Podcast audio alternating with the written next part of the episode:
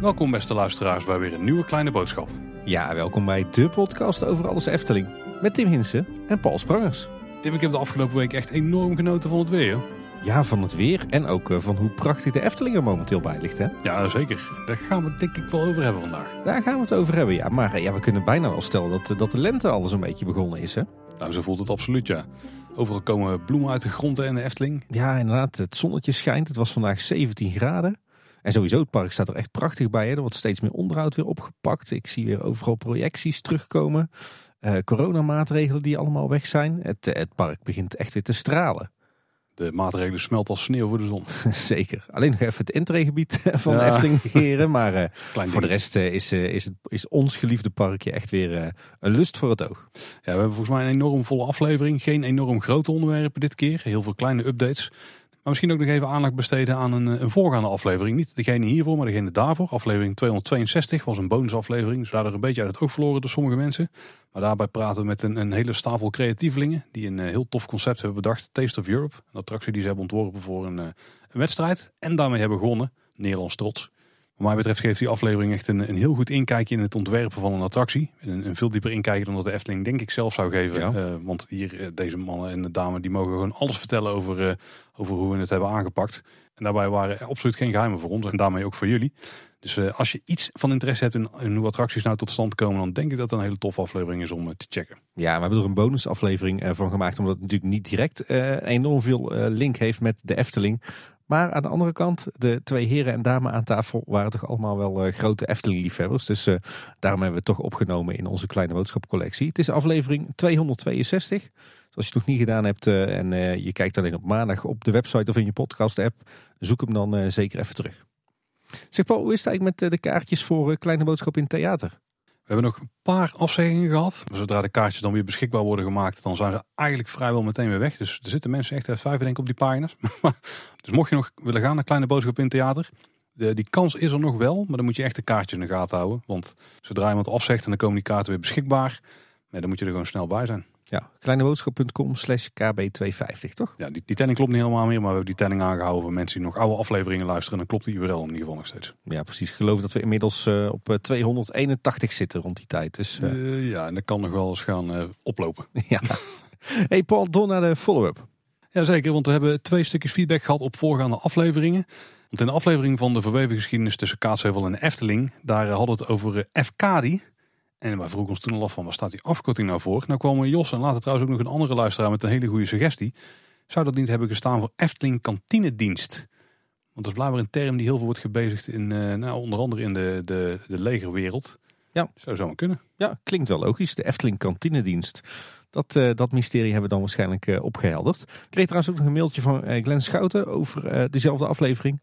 Hij schrijft daarin. In de laatste nieuwsaflevering spraken jullie over de Eftelingse berg. In de documentaire 50 jaar Efteling spreekt Chris Prangers vanaf ongeveer een minuut 6 over de Eftelingse berg. Een berg witzand, zoals je die ook in de Loonse Drunense Duinen aantreft. Dus inderdaad wel degelijk een berg stuifzand. Hm. Dus de Eftelingse berg had niet uh, nieuw voor ons moeten zijn, Paul. Ja, maar we waren er toen niet bij, Tim. Dus uh, ja, we hebben het niet met eigen ogen kunnen aanschouwen. nee, terwijl het is wel familie van jou, hè, Chris Prangers. Zo gaan we daar weer over beginnen. Enigszins uh, van mijn afstaande familie. Je had het kunnen weten van familieverjaardagen. Uh, nou, Chris, die heb ik daar niet heel veel gezien. hey, dan door naar de hoofdonderwerpen. Ja, dan gaan we eerst weer naar uh, de Party Party, Tim. Ja, 70 jaar uh, Efteling. Want iedere dag om vier uur dan barst het feest los. Ja, zeg dat wel. Het uh, viermoment. Een wisselend succes volgens mij momenteel. Ik heb het ook weer mee mogen maken op een, ja, toch weer een vrij vol harthof. Waar mensen stonden te wachten, maar waar toen weer niks gebeurde. Dus ik weet ook niet precies hoe het nu eraan toe zou moeten gaan in ieder geval. Nou, ik moet zeggen, ik heb wel een paar ontzettend leuke viermomenten meegemaakt de laatste weken. Ik heb twee keer echt een hele toffe ervaring gehad bij Bekkerij Krumel. De hele bakkersploeg die, die, maakt er daar, die maakt er echt werk van. Die gaan echt in Polonaise het hele restaurant door en naar het plein op. En nou, dat zit gewoon super goed in elkaar. Iedereen danst en swingt. En nou, dat voelt voor je gevoel bijna als een echte professionele flashmob. En ik moet zeggen, ik kwam laatst ook langs het Hartol voor rond vier uur. En uh, daar uh, deed het personeel ook weer heel actief een superleuk dansje. Dus dat gaat supergoed.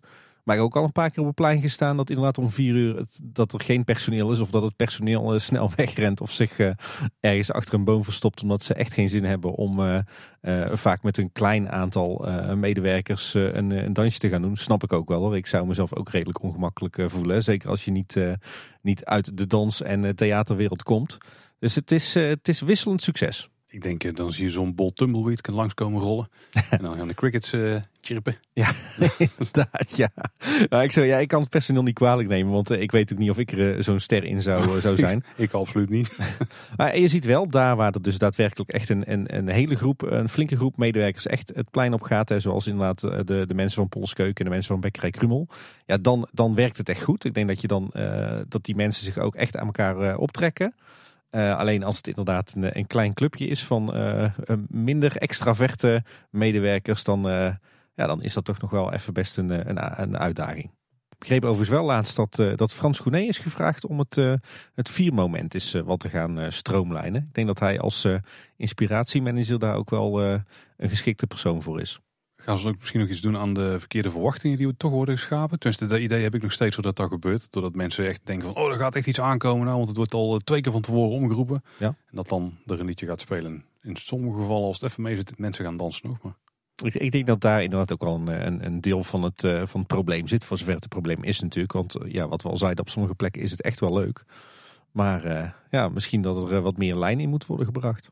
Ja, nou, ik heb nog steeds het idee dat de omroep nu vooral de suggestie wekt dat er een of andere gruwelijke Disney-achtige parade langskomt. En dat is in ieder geval echt niet wat er gebeurt voor de mensen die het nog niet wisten. Misschien, Ehm, misschien over vijf jaar, Paul. ja, het zou zomaar een doel kunnen zijn. Ja. Er zijn iets aan doen met een bepaalde promenade. Misschien is daar meer plek straks. Zou zomaar kunnen. Hey, maar we gaan eens even kijken naar eh, het pop-up sprookje. Want Ja. daar zijn wel een hoop eh, vorderingen. Alles in Wonderland, hè, op de speelweide. Zeker. En eh, daar hebben we in eerste instantie wat eh, stijgers zien verschijnen. Wij dachten, gaan ze hier nu het Huis van de Vijf Zintuigen naartoe verplaatsen. maar dat viel in ieder geval mee. Daar verschenen toen groot plaatwerk tegenaan. En die platen die krijgen vormen die deels herkenbaar zijn. En deels ook nog onherkenbaar. We zien namelijk vrij duidelijk het Huis van de Vijf Zintuigen daarin verschijnen. Ook wat van die typische Eftelingse krullen. Eh, maar ook wat, wat dingen met grote openingen, wat gaten die erin lijken te zitten. Met nog, ja, misschien dat er wel een soort cadeautjes of zo zelfs Ja. komen. Dat is nog niet helemaal duidelijk. Want het wordt uiteindelijk voorzien van een soort bestikkering of folie of zo. Eh, nu voorlopig nog met een, een bloemprint. Maar ik dacht eerst van, komt hij nu misschien heel de skyline? Die houdt de skyline met wel van de Efteling te staan. Wat er dan met Alice in Wonderland te maken heeft, dat is me nog niet helemaal duidelijk. Maar het is in ieder geval een backdrop. Maar dat lijkt dus niet uit te zijn, maar wel heel duidelijk het Huis van de Vijf Zintuigen. Maar ook dat heeft niet direct iets met Alice in Wonderland te maken. Nee, ik denk dat ze een beetje teruggrijpen op eh, die, die layout die ze nu overal gebruiken. Hè, voor alles wat met de viering van 70 jaar Efteling eh, te maken heeft. Er zit natuurlijk het Huis van de Vijf Zintuigen in, die krullen, eh, een opengeslagen boek. Ik denk dat ze dat een beetje in deze, in deze wand uitbeelden. Ja, dat de vormen die iconen zijn uit de huisstijl bedoel je? Ja. Ja, oké. want want eh, wat op die vormen komt, dat is juist niet die platte stijl. Dat is gewoon, eh, ja, nu krijgen we opgeblazen bloemen en eh grasprieten en zo er voorlopig op. Dat zal nog wel iets eh, anders worden nog, denk ik. Ja, misschien ook niet. Misschien Nee, ik, denk dat dit gewoon de, de, de, de achterwand is van, van uiteindelijk het pop-up sprookje. Hè. Dus dat dit als het ware ja, een beetje een, een bos creëert op de speelweide. Ja, met van die bloempjes dat als je er tegenaan gaat staan, dat die ongeveer 58 keer groter zijn dan het daadwerkelijke bloempje. Precies, precies. Heel abstract. Eh, ik moest trouwens wel lachen. Er kwam een vergunningsaanvraag voorbij in de Duinkoerier voor het tijdelijk inrichten van de speelweide met landschappelijke elementen. Wat zijn landschappelijke elementen dan in deze? Eh, bij mijn weten is dat niet een stijgerconstructie met houten platen. Maar misschien omdat, er, eh, omdat die bloemenprint erop zit, dat het dan deze landschappelijke eh, inrichting is. Er zijn kaarsen gegroeid. Eh, is oh, ja, ja. ja, want dat zien we nu wel. Hè. Er wordt nu ook eh, langzaam maar zeker wat meer gebouwd eh, voor die backdrop. Eh, zo is er nu een, een, een cirkelvormig podium opgebouwd met verschillende niveaus. Dus zeg maar een soort eh, ja, taartvorm eh, heeft dat podium. En eh, daar ligt kunstgras op. Als we nog over van Nest denken. ja, precies. En in het midden staat een kaars. Maar dat is er maar eentje. Ze komen er nog 69 bij. Ik denk het. Ik, ik moest eh, meteen denken aan eh, het liedje Tijd voor de Taart in eh, de beste sprookjeshow aller tijden. Daar kan je altijd op teruggrijpen. Ja, precies. Ik ben wel benieuwd wat die gaat gebeuren. Want eh, we hebben inderdaad iets wat bijna op een podium gaat lijken. Daar zou wat entertainment op kunnen Ja. komen. Showtje. Dan zou het een opgeblazen... eh, zou de theetafel opgeblazen worden. Want daar hebben we natuurlijk wel wat vermoedens naar. Hè, dat het die, eh die Mad Hatter's Tea Party gaat worden. Ik, vertaal het allemaal naar de Disney variant. Want Ja. dat is de enige die ik ken. Dus de, zou dat het gaan worden, maar dan Ja, heel maar- groot? Ja, wij dachten wel dat hier inderdaad gewoon een lange tafel zou komen te staan met taarten en, en dergelijke. En dat daar de, eh, de figuren uit Alice in Wonderland aan zaten. Maar het lijkt nu toch wel iets anders te worden hoor. Ik denk toch dat we echt veel meer moeten gaan denken aan een showtje. Met dus inderdaad een podium en een backdrop erachter. Hoe zou dat dan werken? Kunnen mensen dan gewoon doorlopend naartoe in groepen? Ja, misschien dat er om de zoveel tijd eh, om het uur een keer een show is. Ja, zo. Ja, we weten het niet. Eh, daar is ook nog niks, eh, nog niks bekend eh, over. Het viel me trouwens wel op dat er her en der ook lichtmasten zijn gezet. Waar straks waarschijnlijk de verlichting aan komt te hangen. Misschien dan wel de showverlichting voor die show. En dit is ook wel iets wat we zouden moeten weten bij de volgende nieuwsaflevering. Want het zou eind maart moeten gaan openen. Ja. Dus dan over twee weken, nou, dan moeten we toch meer weten dan nu. Precies. En dan weten we sowieso meer dan nu. Dan zouden we toch wel vrij duidelijk moeten weten wat er gaat gebeuren. Er moet in ieder geval nog heel veel gebeuren. Niet alleen de, de opbouw van het pop-up sprookje zelf. Maar ook denk ik eh, het fatsoeneren van de speelweide daar rondomheen. Hè? Want er zal toch een eh, net pad naartoe moeten. Misschien eh, her en der nog een, een huisje met wat horeca. Een beetje aankleding. Toiletten staan er al, dus dat scheelt. Ja. En, en trouwens een bekende club die daar nu bezig is. Hè? Want die hebben wel meer dingen opgetrokken op de speelweide. Ja, het is echt een, eh, een externe productie. Hè. Volgens mij is er eh, vanuit de, eigen diensten eh, niemand bij betrokken. Het is volgens mij uitbesteed aan het bedrijf Create. Eh, dat kennen we bij de Efteling onder andere van eh, de nieuwe inrichting van het IJspaleis. Hè, dat, eh, dat kasteel, zeg maar, eh, wat daar is eh, opgetrokken. Ook uit een beetje dezelfde constructie. Hè. De houten platen met een printer op. Eh, maar het is een, eh, een heel groot Nederlands bedrijf. En eh, zij bouwen eh, tijdelijke decoratie voor eh, nou echt ontzettend veel festivals in binnen- en buitenland. Ook sportevenementen. Maar die kennen we vooral van, ja, van dit soort tijdelijke podiumconstructies eigenlijk. En ik weet niet wat we er nu van mogen vinden, Tim. Maar de kant die het nu opgaat. Van wat ik er nu van zie, denk ik niet dat iets is waar ik echt helemaal gek van ga zijn. En over jaren nog dat met nostalgische gevoelens nog eens aan terugdenk. Maar het is iets tijdelijks en je moet er bewust heen gaan. Dus ik vind het een stuk minder ja, vervelend dan iets wat in stot wordt geduid. Zoals een party-party nummer. Zeg dat wel. Eh, het, ligt mooi afgelegen wat dat betreft. Nou, ik moet zeggen, ik vind het nog te vroeg om echt eh, te oordelen. Op zich die backdrop met dat huis van de vijf zintuigen erin en die Eftelingse krullen en, en zo'n eh, zo'n stickerfolie met, met een heel bloemrijk motief erin. Is zich best stijlvol, maar het heeft natuurlijk niet echt iets te maken met het, eh, de Efteling-stijl. Nee. Je ziet ook echt wel dat dit geen, eh, geen interne productie is. Dat het echt gewoon uitbesteed is met een paar tekeningen en eh, maak maar zoiets. Dus in die zin is het ook wel vrij inwisselbaar. Denk ik dat iets als dit ook best op, op een festival had kunnen staan of in een ander pretpark. Ja, weet je, ik denk dat hiervoor straks het, hetzelfde gaat gelden als voor dat vier moment. Het is oké, maar ik denk dat we ook allemaal weer blij zijn als het november is. Blijft een, eh, een standaard thema in de afgelopen aflevering. Maar eh, eh, misschien ben ik wat dat betreft eh, net iets te pessimistisch. Misschien wordt het wel eh, iets ontzettend moois of een, een superleuk showtje. Waarschijnlijk staan wij dan ook weer iedere week vooraan. Maar ja, vooralsnog ziet het er allemaal vooral heel erg tijdelijk en, en generiek uit. Ja, er ging een heel matig gerucht over dat er misschien iets met een animatronic gaat gebeuren. Ja, dan is het natuurlijk 100 punten. Maar, Ik hoorde wat over een animatronic van een wit konijn. ja, nou ja, ik ga er niet vanuit dat er ook maar iets van klopt. Maar mocht er zo zijn, dan scoren ze meteen bonuspunten. Ja, ik moest trouwens wel lachen, want eigenlijk hè, als je dan de geschiedenis van eh, 70 jaar Efteling erbij pakt, of eigenlijk 70 jaar Sprookjesbos, hè, als je het echt goed wil doen, eh, dan is het ook wel een, eh, eh, eigenlijk een, eh, een soort tegenstelling, hè? een eh, contradictio in terminis heet het dan volgens mij.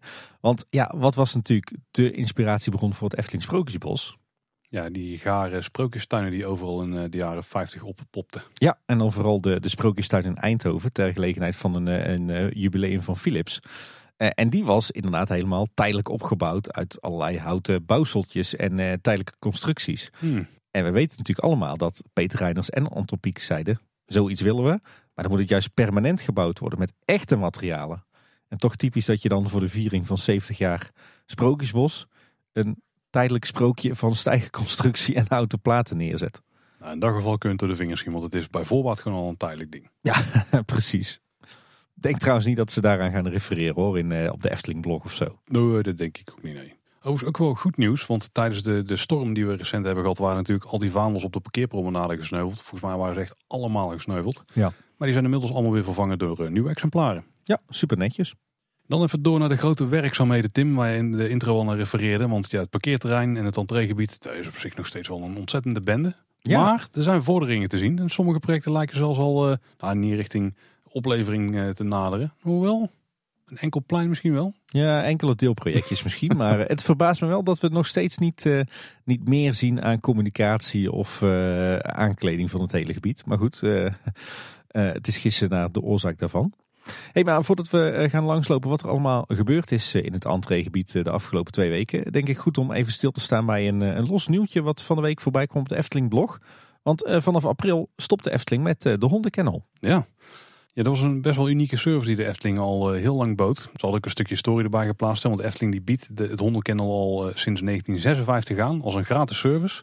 Maar de afgelopen jaren is de wet en regelgeving rondom hondenopvangservices vanuit de Nederlandse Voedsel- en Warenautoriteit die is flink veranderd. En daardoor kan de Efteling het niet meer aanpakken zoals ze graag de hondenopvang zouden willen aanpakken. Of misschien is het een beetje andersom. Ik denk dat de eisen die er nu aan gesteld worden, dat dat niet uh, dat de kostenbaatanalyse daar voor de Efteling niet zo heel gunstig is. Nee. Maar dat is natuurlijk niet wat ze vertellen. Ze geven wel dat ze daar niet in gespecialiseerd zijn. En dat ze nu bezig zijn met de totale vernieuwing van het gebied daar. En dat uh, er dan geen plek meer is voor het hondenkennel. Uh, vanaf april 2022, dus al over een, een, mogelijke maand. De exacte datum weten we niet. Maar dan stopt het hondenkennel dus bij de Efteling.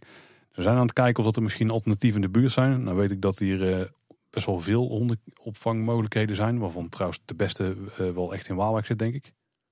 Weet je wat ik bedoel, Tim? Uh, Doc Wolk, toch? Zeker. dus de, de beste, van, vanwege de, de naam. ik weet niet of dat de beste is, maar hij heeft wel de beste naam. Ja. Uh, dus er zijn vast wel mogelijkheden voor. Het is overigens wel zo, en voor, voor de duidelijkheid, als je een hulp- of geleidehond hebt, dan mag je die gewoon nog steeds meenemen in het park. Dat mag ook al jaren.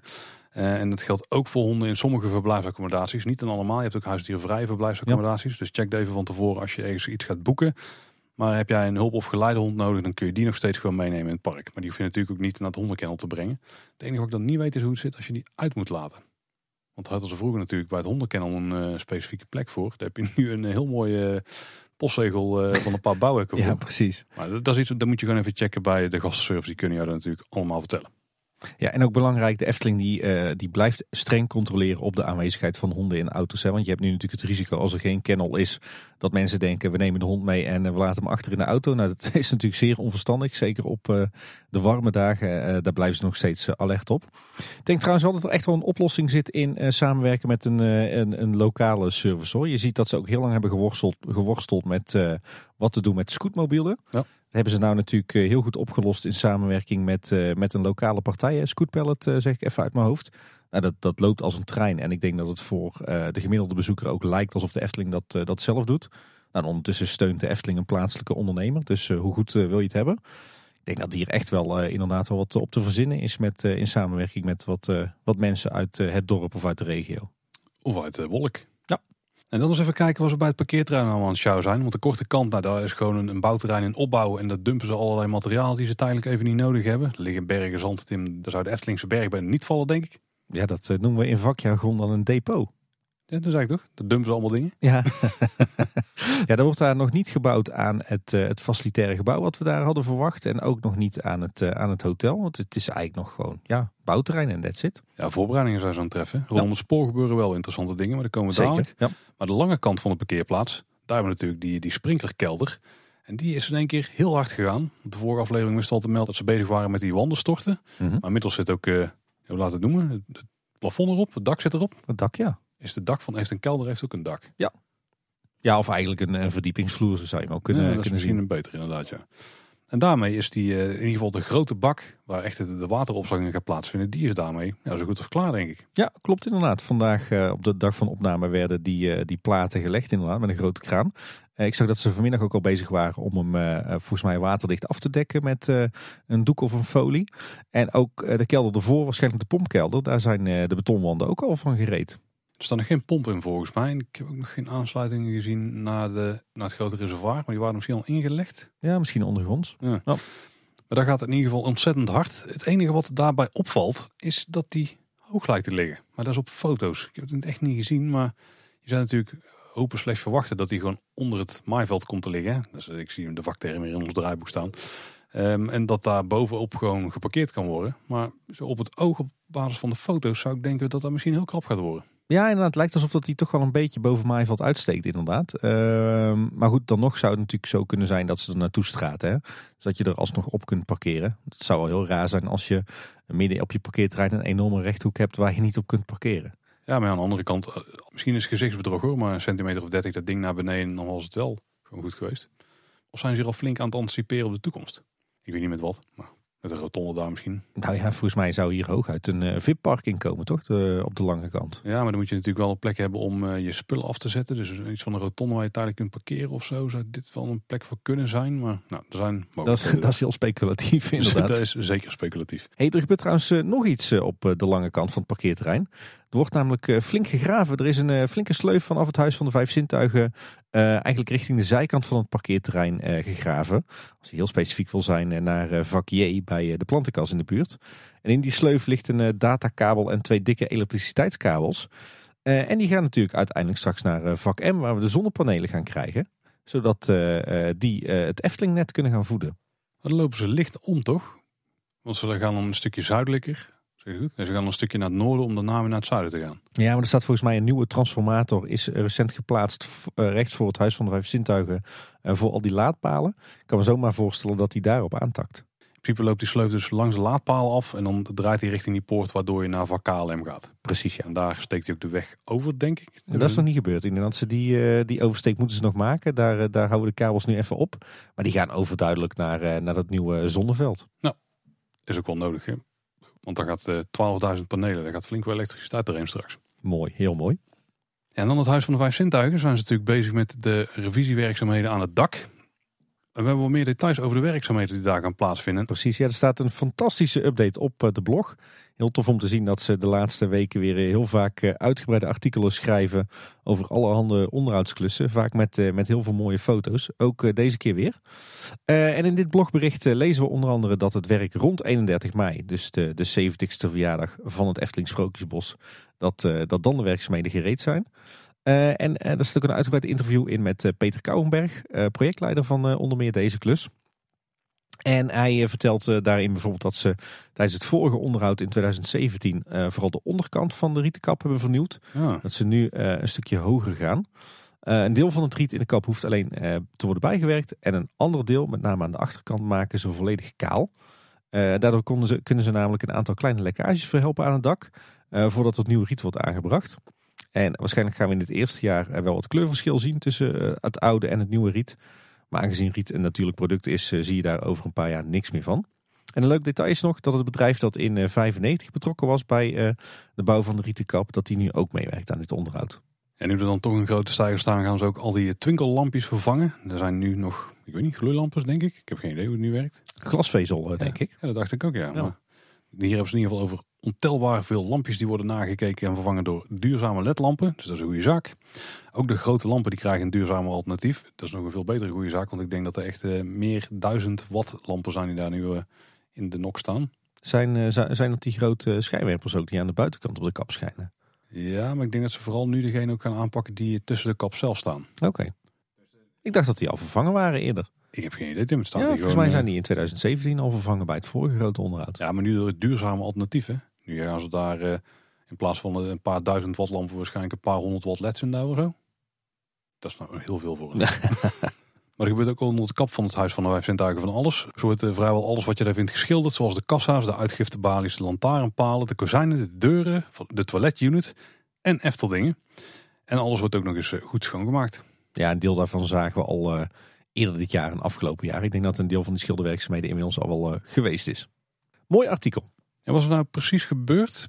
Ja, wat je ziet is dat ze op een heleboel plekken uh, het riet aan het kammen zijn, zo heet dat volgens mij. Dan halen ze het, de, de, buitenste lager van af en dan, dan zie je weer het verse riet, zeg maar. Wel een beetje grillig, het ziet er een beetje ja, beschadigd uit of zo, de buitenkant nu. Ik vraag me af dat ze daar allemaal nog riet gaan bijstoppen. En er zijn een aantal plekken waar ze echt het riet tot op de, de houten constructie hebben weggehaald. Bijvoorbeeld uh, die middelste punten die je ziet als je, als je aankomt lopen. Aan de achterkant daarvan hadden ze heel vaak problemen met dat vogels al dat riet wegpikten. Nou, die hele achterkant van die middelste punt die is helemaal, helemaal leeggetrokken. daar zijn ze nu bezig met, met ik denk ook met het verhelpen van lekkages of zo. Verder die punt die daar precies achter zit, zeg maar het vierde zintuig. Uh, dat was, die was eerder al helemaal kaal gemaakt, bovenin hè, bij die punt. Uh, daar waren volgens mij ook wel, uh, wel wat vaker lekkages.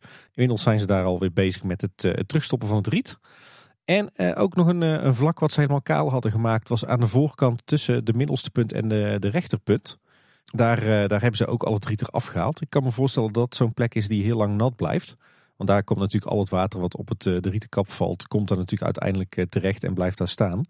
Eh, dus wellicht dat die ook in een slechte staat was. Ik moet zeggen dat ze het nu in de afgelopen weken wel echt perfect weer hebben om dit soort werkzaamheden te doen. Ja, inderdaad, het droogt allemaal super snel. Rondom die storm was het wel minder. nu Nu- gaat het de goede kant op. Nu kunnen ze flink, eh, flink eh, vorderingen maken. En eh, op eh, een aantal plekken hebben ze ook van die, eh, van die nokvorsten, zeg maar van die halfronde pannen die eh, op het riet lagen, hebben ze er eh, van afgesloopt. Mogelijk om eh, die eh, bouwkundige constructie ook beter te maken. Ja, en het grappige is dat daar waar het riet er allemaal af is, daar kijken nu echt op die houten constructie. Eh, en dan zie je bijvoorbeeld alle sprinklers die in het huis van de vijf zintuigen zitten verwerkt. En eh, al het leidingwerk voor de verlichting en al die lampjes. Wel eh, mooi, bijzonder om te zien. En dan de enige plek waar het een beetje op zijn eind lijkt te lopen qua werkzaamheden, dat is het theaterplein. Ja, inderdaad. Dat is natuurlijk lange tijd op de schop geweest. Maar de werkzaamheden daar zijn zo goed als gereed. Al het straatwerk ligt er alweer in. Eh, her en der wel een beetje, een beetje rommelig. Maar dat is altijd als er aan eh, kabels en leidingen is gewerkt, is mijn, eh, mijn ervaring. Eh enige wat daar nog moet gebeuren is dat een aantal plantsoenen opnieuw moeten worden aangeplant. En hier en daar moet nog een, een enkele lantaarnpaal terug. Maar daar is vooral ondergronds heel veel gewerkt. Hè? En één of meerdere bronnen voor de warmte-koude opslaginstallatie geboord. En vooral heel veel kabels en leidingen opnieuw gelegd. En dat het straatwerk rommelig is, bedoel je dat het veel hoogteverschil heeft. Ja. Maar waarschijnlijk ook omdat de losgelopen delen, die delen ze net iets hoger in, zodat die weer erin gelopen worden en gereden. Eh, precies, ja. Dat is de theorie in ieder geval. Ja, ja, ja. maar eh, uiteindelijk als je zo op zoveel plekken alles overhoop haalt, dan, eh, dan is het ook wel eens een, de overweging waard om het gewoon in één keer het straatwerk opnieuw aan te leggen. Ja, dan doen we naar een van de grote mysterieplekken waar ze wel flink aan het klussen zijn al. De Pardoespromenade en, en de bijhorende omgeving. De vorige keer toen we een nieuwsaflevering maakten, toen waren ze nog eh, bezig met het muurtje wat daarbij eh, die, eh, die bloembak slash boombak ligt. Tegenover de uitgang van Fabula. Of de ingang van het restaurant, net hoe je het wil zien. Die, die lijkt een beetje dezelfde vorm te krijgen zoals we de, de muurtjes aan de andere kant van de Pardoespromenade daar zien. Hè? Ja, het, het wordt zo'n muurtje wat ze gaan gebruiken om de, de vijverbak zeg maar, langs de Pardoespromenade te laten eindigen. Ziet er aan de andere kant bij die, die ronde boombak wel een beetje vreemd uit. Want Dus het vrijdag op die bak, hè? Ja. Ja, ik Ja. vind- ja. En we hadden het vermoeden, als je kijkt naar de contouren van onder meer de vijvers die ze gegraven hebben, dat, dat we hier een soort rond pleintje zouden krijgen waar eh, het nieuwe deel van de Pardoespromenade op aan zou sluiten. Maar die muur die staat dan wel ineens plomp verloren in, in het midden. Nu lijkt het bijna meer een soort set of zo te gaan worden. Ja. Dat je een kleine, een kleine slag moet maken om eh, de rest te kunnen vervolgen. Dat is allemaal niet uiteindelijk, maar nou, hoe het precies gaat lopen hier is eh, toch nog steeds een groot raadsel. Ja. Maar ook maar even voor de volledigheid. Er wordt dus niks gestuukt aan eh, dat muurtje. Het is echt een volledig opgemetseld muurtje. Dus eh, schoon metselwerk noemen we dat zo, Tim? Heel goed. Hey, ik Ja, begin van ja, alles ja, te ja. absorberen met jou. Ja, en daar wordt dadelijk ook, denk ik, de vijverfolie van, zeg maar, oneerbiedig de sloot langs de Pardoespromenade tegen aangewerkt. Hè? Vast wel, ja. Wat we ook hebben gezien is dat ze op twee plekken wat plek hadden overgehouden. Wat funderingen lijken daar te gaan komen. We zaten ons heel lang af te vragen van wat is het nu? Want het leek een soort vierkante eh, fundering te worden met erop metselwerk. Daar dachten we misschien wonderwachters, maar daar leek het wat groot voor. Maar dan lijkt het uiteindelijk nu, nou het duurt lang voordat ik er ben, maar lijkt het uiteindelijk toch wel te worden. Ja, inderdaad. Dat zijn eh, volgens mij twee voeten voor eh wonderwachters. Natuurlijk de, de nogal flamboyante lantaarnpalen op de Pardoespromenade. Helemaal in de Henny Knoet-stijl. Maar inderdaad, daar hebben ze nu ja, twee cirkels opgemetseld. En daar komt straks de staalconstructie in, waar die wonderwachter op wordt geschoven. En die rust dan op zo'n mooi, eh, ja, mooi cirkeltje van bakstenen. En dat hebben ze nu opgemetseld. Dus het kan haast niet anders. Ook als je kijkt naar de elektriciteitsleidingen die erin uitkomen. Dan dat dit eh, de nieuwe plekken zijn voor de wonderwachters. Nou, nu ziet het er misschien nog wat vreemd uit, omdat die eh, best hoog opgewenseld lijkt te zijn. Ten opzichte van hoe de, de voet van de wonderwachters vroeger waren. Alleen als je kijkt naar hoe de put ook zijn, eh, zijn neergelegd. En je denkt daar een beetje het maaiveld bij Tim, wat er dan tevoorschijn komt. Wat we in ieder geval straks de bovenkant van gaan zien. Dan eh, valt het wel mee met hoe hoog ze zijn. Dan is het vergelijkbaar met hoe ze waren. Ja, en als je dan een beetje die lijn van die putten en van de nieuwe wonderwachters volgt, dan kan je eigenlijk ook wel heel mooi zien hoe die Pardoespromenade straks gaat lopen. Toch wel. Ja, die komt, eh, die komt echt uit op de plek waar nu ongeveer de vrolijke nood eh, staat. En ik verwacht daar dus ook eh, straks de doorgang in het nieuwe hotel. Ja, oké, aan die kant. Maar de aansluiting die we krijgen aan de andere kant is nog steeds wel een mysterie, toch? Ja, ik denk dat ze dat pas gaan doen op het moment dat, dat deze helft van de Pardoespromenade klaar is. Ik denk dat Nee, dan... ik bedoel met de andere kant bij Fabula, zeg maar. Dus hoe ze, hoe ze die knik daar gaan maken. ja, dat is dan nog even een raadsel hoe dat die daarop aansluit nu met dat, eh, dat nieuwe muurtje. We houden het voor jullie in de gaten. Ja. Nog een leuk klein detail wat je eigenlijk alleen maar ziet als je in het Sprookjesbos eh, loopt. Er zijn natuurlijk aardig wat bomen gekapt in de bosrand van het, uh, het Sprookjesbos. Bij Roodkapje in de tuin, daar liggen een aantal van die stobbenwallen. Hè. Dat zijn eigenlijk een soort muurtjes opgebouwd uit boomstammetjes. En een aantal van die omgehakte bomen die zijn gebruikt om die stobbenwal op te hogen. Zodat je wat minder zichtlijnen hebt vanuit het Sprookjesbos de promenade op. Ja, en bij de Vrolijke Noot, daar ligt natuurlijk het spoor achter. Maar daar hebben ze alles rondomheen weggehaald. En uiteindelijk is het spoor daar zelfs opengebroken. Want daar moesten extra leidingen gelegd worden. Nou, en blijkbaar is het dan handiger om daar gewoon het hele spoor voor weg te halen. Echt los te slijpen. Er zijn nieuwe delen spoor ingelegd. Niet de spoordelen die ze hadden hergebruikt. Dus blijkbaar eh, kan het wel, Tim. Delen spoor gewoon makkelijk verleggen. Ze draaien de hand er ook niet voor om in ieder geval om uh, gewoon een heel stuk weg te halen weer terug te leggen. Het ging wel een meter of nou, 15. Klopt ja. Ja, en ze zijn er volgens mij maar vier dagen mee bezig geweest. Hè? Want uh, de stoomtrein is maar een klein weekje uit, uit de vaart geweest, zo gezegd. Wat ik me nog wel afvroeg is, ik zag hoe ze het weer hadden dichtgemaakt. Maar ik had niet echt het idee dat ze de grond onder het spoor hadden aangetrild of gestampt of zo. Neem ik aan van wel, want als het wel, ja. als de trein overheen gaat, gaat dat niet helemaal goed komen. Als hebben we dadelijk gewoon een stukje droptrek in het, uh, in, oh, spoortrein, in het stoomtreintraject van de Efteling. Dan krijgen we bunnyhops. Weet je, uh, uh, Winja Sphere and Force, maar dan met de stoomtrein. Ja, nou, iets subtieler mag wel dan. ja zijn trouwens ook hier echt enorm veel kabels en leidingen uh, de grond ingegaan. Zowel hier als ook uh, in de, de zelf. Want ze hebben ook nog een oversteek gemaakt vanuit de Steenboklaan uh, naar zeg maar in de richting van de Vrolijke Nood. en ik zag ook dat er volgens mij ook wat leidingen zijn neergelegd voor het, het warmtenet. Of eigenlijk zeg maar het, ja, het systeem, het warmte-koude opslagsysteem. Maar die, die leidingen die daar dus onderdoor gaan, dat is waarschijnlijk een groot deel ervan gaat gewoon rechtstreeks naar het hotel toe dadelijk. Ik, ik neem aan van wel. Ze maken hier echt gewoon de koppeling tussen enerzijds het Anderrijk en anderzijds het entreegebied. Ja, dus het wordt een soort tussenstation voor een hoop leidingen dadelijk, vermoed ik. Ja, daar moet gewoon een heleboel naartoe hè. Je hebt natuurlijk en de, de nieuwe kabels en leidingen voor het hotel. Maar ook uh, de bestaande kabels en leidingen richting het, uh, het entreegebied, de entree, het theater. Die uh, waarschijnlijk op een aantal plekken in de weg hebben gelegen of die vernieuwd moesten worden. En dat hebben ze nu in één keer allemaal bij elkaar gelegd. Ja, tijd voor wat conceptart van de hotel. Want officieel conceptart. Ja, ja, ja, ja, Goed voor mijn punt ook. Stond nu trouwens ook een, eh, een bordje op een, eh, op een eh, trusconstructie. Met daarop looproute, alle attracties en dan pel rechtdoor. Wat op zich vrij logisch is, want je kunt niet meer links en rechts, want het is allemaal afgezet. Nou, je moet zeggen looproute, alle attracties. Ja. Want ik heb daar mijn eigen al aan gebrand. Want ik was in het park met mijn oudste dochter, wilden we achtbanen gaan doen. Dus we beginnen rustig aan met Max en Moritz. Nou, wat koekruimels die eruit uitgekocht waren. Dat was een beetje tegenvallig om het begin van de dag. Ik ben blij dat uh, ik nog nooit zo heb misgegrepen. Want die koekruimels zijn toch wel echt een vast onderdeel geworden van iedere Eftelingdag zo'n beetje. Ja, nou, bij ons is ook inmiddels. Dus wij lopen die kant op. Nou, dat kon natuurlijk niet hè, over de Steenboklaan, want het ding is gewoon afgesloten. Dus denken we, nou dan lopen we zo langs Aquanura af en langs de sporen parallel eraan. Dat kan ook niet, want ook dat was afgesloten op die dag. Dus toen moesten we uiteindelijk om heel de Aquanura Vijver heen. Dat was vanaf het punt waar we daar stonden waarschijnlijk de kostenroute om naar te komen. Want de andere was natuurlijk via Spookslot. Ja. Maar dat was dan toch stiekem met tak en om. Nou, dit is, we hebben ons eh, helemaal kapot gelopen die dag. En dat noemt zich dan Efteling kennen. Ja. Had jij een andere route geweten dan? Ik was via het Spookslot gegaan. Of ik ben al verschillende keren via het Spookslot We stonden al bij de Aquanura Vijver. Hè, bij die plek waar die bol wordt gelegd. Nee, dus via dan, Spookslot was dan wel toch verderom. Ja, dan had ik denk ik hetzelfde gedaan als jij, ja. De Steenboklaan, ja, die lag open. Want daar waren ze flink aan het werken toen. Ze leken daar dus inderdaad bezig te zijn met die warmte-koude opslag ook. Ja, daar ben ik vrij zeker van. Want ik zag van de week ineens een, eh, een enorm bouwterrein ontstaan. Uh, met allerlei materieel van de firma Verhoeven Drunen. En uh, die doen eigenlijk niks anders dan warmte-koude opslaginstallaties boren.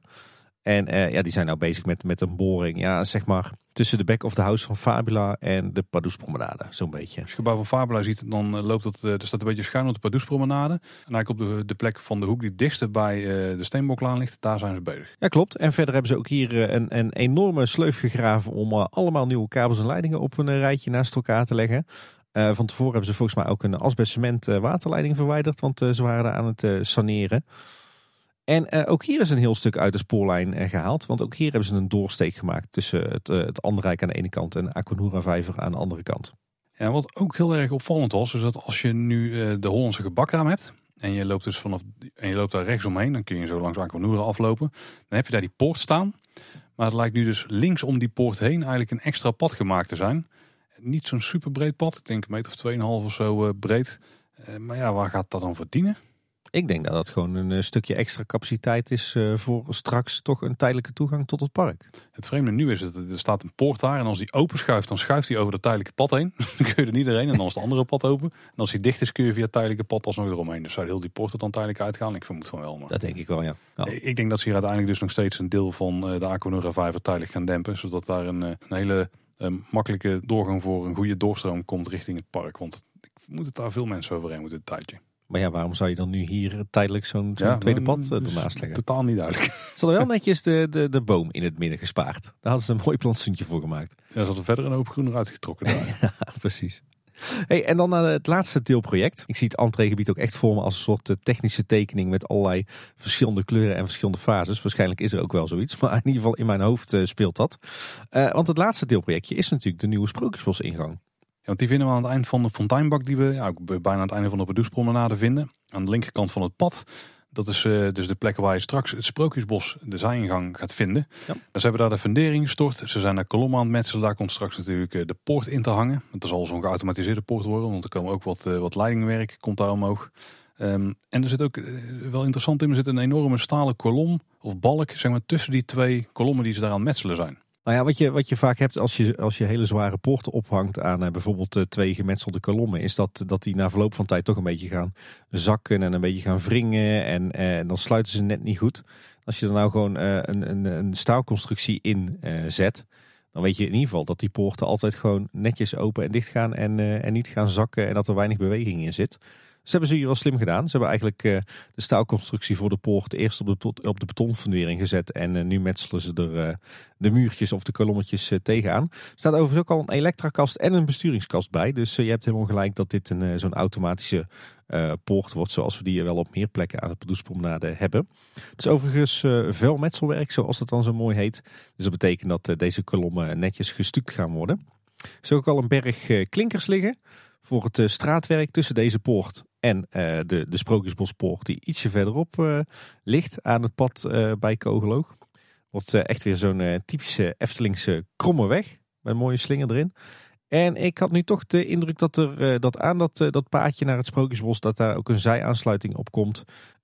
waar de dienstweg, zeg maar de Diorama-laan, op, op aangesloten wordt. Ja, maar die hebben ze best tactisch weggelegd. Want ik denk dat die dadelijk heel opvallend is. Een beetje vergelijkbaar met de dienstweg die we de vorige keer ook hadden bij het het Sprookjesbos. had je natuurlijk die zijweg die over het spoorweg liep. Want deze die loopt met een bochtje weg richting het originele dienstpad wat er lag. Waardoor die heel onopvallend is, denk dadelijk, als er een hoop groen omheen staat. Dus dat hebben we weer, weer slim gedaan. Ja. Dan door Tim naar het, het andere grote project wat ooit nog een keer moet gaan beginnen. Waar we toch weer wat kleine details van tevoorschijn hebben weten te toveren. Het spookslot. Ja, of uh, liever gezegd project Dans Macabre. Jazeker, want op 17 februari heeft de Efteling dat handelsmerk geregistreerd. Heeft de loopings uitgevonden. Met een advocatenkantoor voor ingeschakeld, hè, zoals wel vaker, zodat het niet direct naar de Efteling terug te leiden is. Maar het is uh, wel vrij duidelijk dat de Efteling is, want op datzelfde moment, op diezelfde dag, heeft de Efteling het nieuws naar buiten gebracht over het verdwijnen van het spookslot. Ja, heel slim om dan meteen uh, die, uh, die naam vast te leggen. Hè? Uh, het is trouwens in heel veel categorieën vastgelegd. en daaruit blijkt wel dat ze er heel veel verschillende dingen mee kunnen gaan doen. Het geldt voor amusements- en themaparken, themaparkattracties, opgenomen films, muziekopnamen, decoratiemateriaal, animatronic shows. Hey. Voorstellingen met spoken en muziek. Heel specifiek. categorie. Filmtheaters, bioscoopdiensten en producties van shows in pretparken. Filmtheaters. Ja, hmm. shows. Hmm. Hmm, hmm, hmm. Nou, mooi om uh, te zien. Dat bevestigt het, uh, het gerucht dat de projectnaam uh, daadwerkelijk Dans Macabre is. Ja. En dat we hier toch echt een, een spokenattractie mogen verwachten met de oude muziek. En hopelijk ook heel veel knipogen naar het huidige spookslot. Ja, dat kan bijna niet anders hè. En nog meer nieuws, want Bill Butler, dat is de, crea de creatief directeur van Garner Holt. Die is gespot samen met Robert Jaap Jansen en iemand van het technisch ontwerp. En ik zat me af te vragen van waarom het Robert Jaap Jansen. Want volgens mij ja, is de, de geruchtenmolen die gaat vrij duidelijk rond dat Jeroen Vrij hier een uh, flinke vinger in de pap heeft. En dat Sander de Bruin er ook nog wel op enige hoogte mee uh, of bij betrokken is. Nou, dat hoor ik iedereen zeggen, maar dat is helemaal niet uh, nergens bevestigd. Hè? Volgens mij is nee, Sander juist druk bezig met het hotel. Geruchten, geruchten. Maar uh, ik denk, ja, het is op zich wel logisch dat Robert Jaap Jansen erbij loopt. Want volgens mij heeft hij een vrij goede band met Bill Butler. Want ik kan me herinneren dat uh, Robert Jaap heel veel van de animatronics mee heeft geprogrammeerd. Die tenminste de, de voorbeelden heeft gegeven van zo moet die animatronics gaan bewegen in uh, Symbolica. Ja, en Robert Jaap is tegenwoordig natuurlijk conceptspecialist. Hè? Dus het zou zomaar kunnen dat hij ook aan de wieg staat van het concept van project Trans Maar dan gaan we natuurlijk wel bijna voorbij aan het belangrijkste feitje van dat Bill Butler er rondloopt. Want ze liepen dus rondom het spookslot rond. Hè. Het heksenpad volgens mij gingen ze op. Gewoon, waarschijnlijk waren ze een toertje aan het geven van dit is het spookslot nu. Ik, ik, ga nu even woorden in de mond leggen van, van mensen. Dit is de sfeer die we nog willen gaan uitademen straks. En nou, hier is show natuurlijk, kijk dit en dat. Ja, en hier hebben we een moderne incarnatie van die poppen die we er hebben. Die willen we hier ook straks hebben. Of op zijn minst één of twee of drie of hopelijk 85. Maar ik denk niet dat het budget daarvoor toereikend is met 25 miljoen.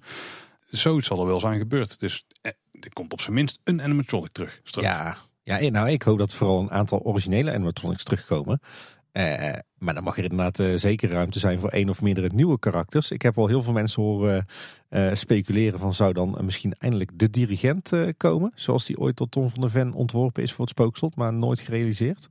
Ja, maar dan ga je het heel erg op muziek weer gooien. Dus ja, het, het heet niet voor niks Dans Macabre toch, het, het nieuwe spookslot. Daar zit er wel in, ja. Dat is wel een muzieklinkje direct, ja. Ja, het zou kunnen. Ja, het zou ook iets totaal anders kunnen zijn. Ja, maar eh, op zich wel heel erg hoopgevend inderdaad. Dat we dus iets van animatronics mogen verwachten in de nieuwe attractie. Ja, en ook wel hoopgevend dat het uh, Holt is. Want ik weet dat jij er uh, nog wel eens, uh, wat, nou niet kritisch op kunt zijn. Maar Efteling kan zelf ook hele mooie animatronics maken. Maar Garner Holt die blinkt volgens mij wel uit in animatronics die echt een hele show geven, zeg maar. In plaats van die loopjes van bewegingen uitvoeren continu. Ja, ja, dat zeg jij, maar ik denk dat de Efteling voor hetzelfde geld mooiere animatronics kan maken dan Garner Holt. Nou, dan moet je eens bij Mystic Banner gaan kijken, Tim. Maar dat heb je al gedaan. En daar ben ik uh, heel vaak in geweest. Maar ik zei niet voor niks voor hetzelfde budget. Ik denk als je ja, inderdaad, okay, okay, als je inderdaad uh, een miljoen betaalt van animatronic, dat je een prachtig, uh, prachtig gevaarte krijgt. maar, maar ja, ik vind toch nog steeds, als je de, een aantal animatronics in, in Symbolica ziet en ook de Baron, dan denk ik ja, er zijn toch aardig wat Efteling animatronics die ik hoger inschat qua kwaliteit dan die. Het is wel interessant, ja. Budget technisch is het een belangrijke afweging, ja. Maar ja, je hebt ook dat je met een Garner een stukje bedrijfszekerheid en zo hebt. Maar ook al begrepen dat het niet altijd misschien het geval is. Ja, ze, zullen, hebben, ze hebben een goede naam in de wereld. Dus. Ja. ja, de Efteling eh, kiest natuurlijk steeds vaker bewust voor uh, de A-merken. Als het gaat om, uh, om attracties, uh, ritssystemen. En dus blijkbaar ook voor animatronics. Maar ik, als ik de Efteling was geweest, had ik juist geïnvesteerd in, in eh, de, de, eigen expertise van animatronic bouw ja, levend houden. En af en toe toch eens ook weer zelf een mooie nieuwe animatronic bouwen en niet alleen onderhouden. Ik denk dat het een hele goede skill is om in huis te hebben. Ja, maar goed, Garner Holt doe ik het ook voor hoor. Ja, en is het niet Garner Holt, het feit dat in een rondlopen, er komen gewoon animatronics. Is nu ja. vrijwel zeker. Het is in ieder geval een geruststelling dat niet Hofman figuur rondliep. Ja, of Heino. Ja, ja. ja. Ik, ik associeer die trouwens met Europa Park. En Garner Holt heeft volgens mij ook een deel van de animatronics geleverd voor de nieuwe Piraten in Batavia. Ja, Piraten. Piraten in Batavia. De vorige aflevering had het ook al over de, de fan tributes hè, die we nu overal tevoorschijn zien komen. Dus vooral een hoop eh, concept art en uh, video's. Maar we hebben inmiddels ook uh, een, een, een muziek tribute gehad. Volgens mij hebben we vorige keer al mogen teasen. Is net uitgekomen voor de, tot onze aflevering toen uitkwam. Die is van Sam Vlas, luisteraar van de Kleine Boodschap. En die heeft Memento Mori, een muzikale ode aan het spookslot uitgebracht zeker even checken via YouTube. Linkje vind je in de show notes. En uh, er zit nog een uh, vrij grote twist in het uh, nummer. Zeg dat wel, ja. Ik schrok wel even op. ja, en ook nog hoopgevend, Tim. We hebben onze huisfotograaf Chris van der Zanden aan het werk gezien in het spookslot. Die heeft in de gaanderij gestaan. Bijna een hele dag volgens mij. En daar met een camera aan de gang geweest. Ja, niet zomaar een camera, hè? geen huistuin- en keukencamera. Nee, ik, ik weet niet waar we daarvan mogen teasen, maar uh, er komt iets moois aan van Chris. Ja, ik geloof dat hij ook door ongeveer tien luisteraars gespot was, die allemaal uh, uh, daar even melding van deden bij ons op de socials. mooi dat Chris daar zoveel tijd en energie in stopt. volgens mij heeft hij meer dan 30 shows gezien op die dag. Klinkt toch nog steeds niet als een straf hoor. daar was ik zelf volgens mij goed aan het vermaken. Ja. En dan het eh, andere project waar we al een eh, heel aantal uh, knoopjes naartoe hebben gelegd. De carports namelijk die aan het verschijnen zijn op vak M, waar de zonnepanelen moeten gaan verschijnen. Ja, ja, ook daar kunnen we een update over geven. Er is de laatste weken hard gewerkt aan de, de constructie van die carports. Dat zijn stalen buispalen die de grond in zijn geboord. die blijven inderdaad allemaal ongeveer een meter boven de grond staan. Dus die wordt niet helemaal de grond ingeboord. En daarbovenop wordt ook een vierkant plaatje gelast. Ik snapte eerst niet goed waar ze mee bezig waren. Uh, maar uh, sinds een dag of twee, hey, dat is trouwens ook het begin van een uh, liedje van Doe maar, zijn ze begonnen met het, het, plaatsen van de daadwerkelijke staalconstructies van, van de carports. En die worden over de stalen buispalen heen geschoven. Dus ik denk dat ze zo hun, eh, hun stabiliteit hebben. Maar waar waren die vierkante plaatjes dan voor? Want dat zat ik me ook af te vragen. Nou ja, eh, die, Zijn er die, gewoon die, die er overheen staan tijdelijk of zo? Nou ja, die, eh, een buispaal is natuurlijk rond. En die constructie is een, eh, een kokerprofiel. Dus als je die eh, zo over die paal heen zou schuiven, over die ronde, ronde buis, dan kan hij nog steeds alle kanten opdraaien. Maar als je natuurlijk een vierkantje erop last, dan zit hij mooi klem. Maar als ze toch gewoon met elkaar verbonden zijn, kunnen ze toch niet meer draaien. Dan maakt het toch geen zak uit welke vorm er omheen zit. Die plaat was toch vrij groot, de vierkant plaatje. Echt veel groter dan die, ba die, die buis die er overheen zijn geschoven. Ik heb er wel van gezien, maar dit zijn niet echt per se gethematiseerde paal of zo. Nee, nee, van alle, alle carports met zonnepanelen bij themaparken zijn dit toch wel de minst mooie die ik tot nu toe heb gezien. Het zijn eigenlijk hele lompe staalconstructies. En volgens mij zijn ze gewoon eh, thermisch verzinkt. Dus ze zien er nu nog uit alsof ze van RVS gemaakt zijn, want ze glimmen in het zonlicht. Maar goed, eh, dat eh, gaat vanzelf een beetje corroderen en dan wordt het, wordt het mat. Maar het, het is gewoon allemaal heel erg bazaal. Hè? Het is gewoon een lompe staalconstructie en that's it. Nou, er kan nog thema aankomen, dus we moeten nog niet helemaal afschrijven. Er zijn ook wel een aantal palen die in het eh, donkergroen uit zijn gevoerd. Die lijken op de kopse kant te staan.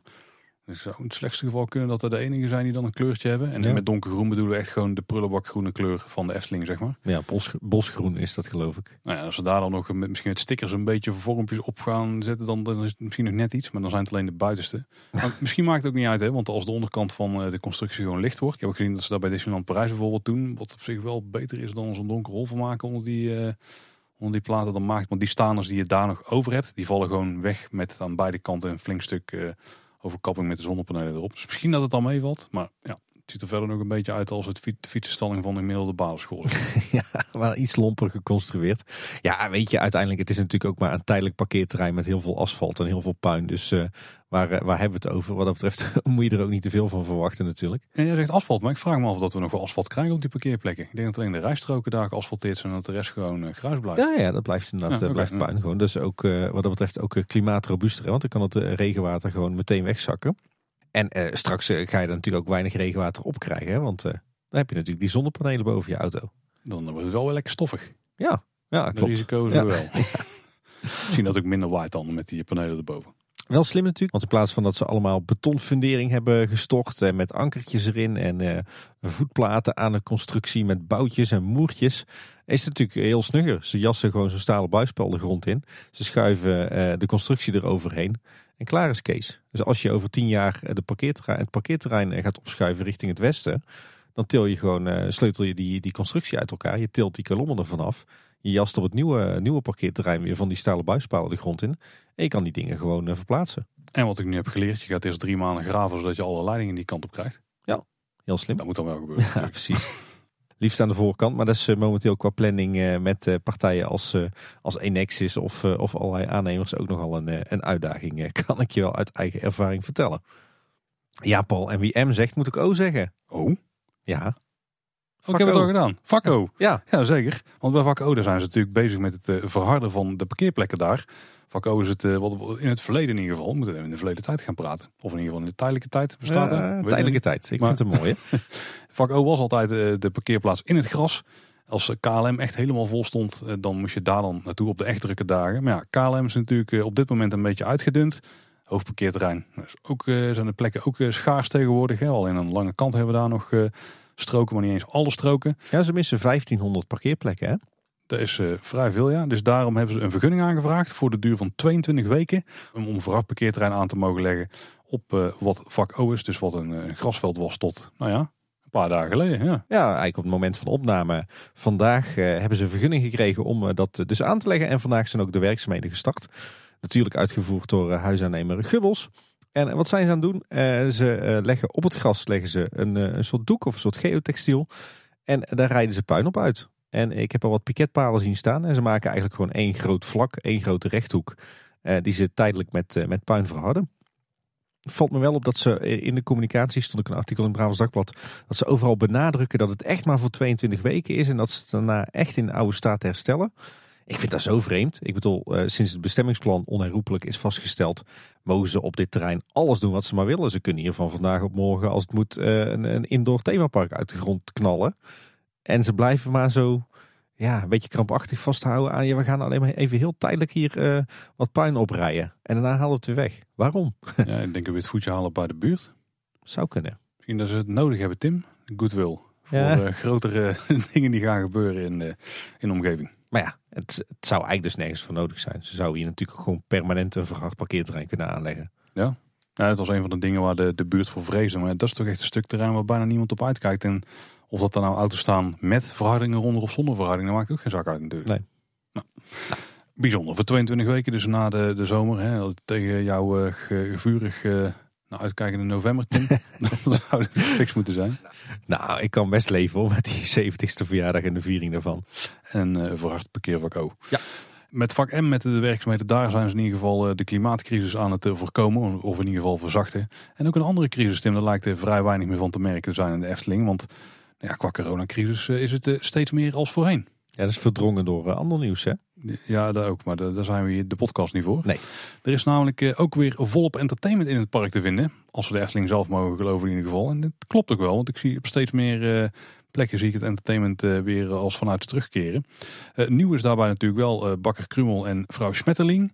Die eh, zien we op eh, feestdagen en vakanties. Als ik Bakker Krummel volgens mij op iedere standaard door de weekse dag ook gewoon rondlopen. Ja, het is een beetje onvoorspelbaar wanneer die er wel of niet is.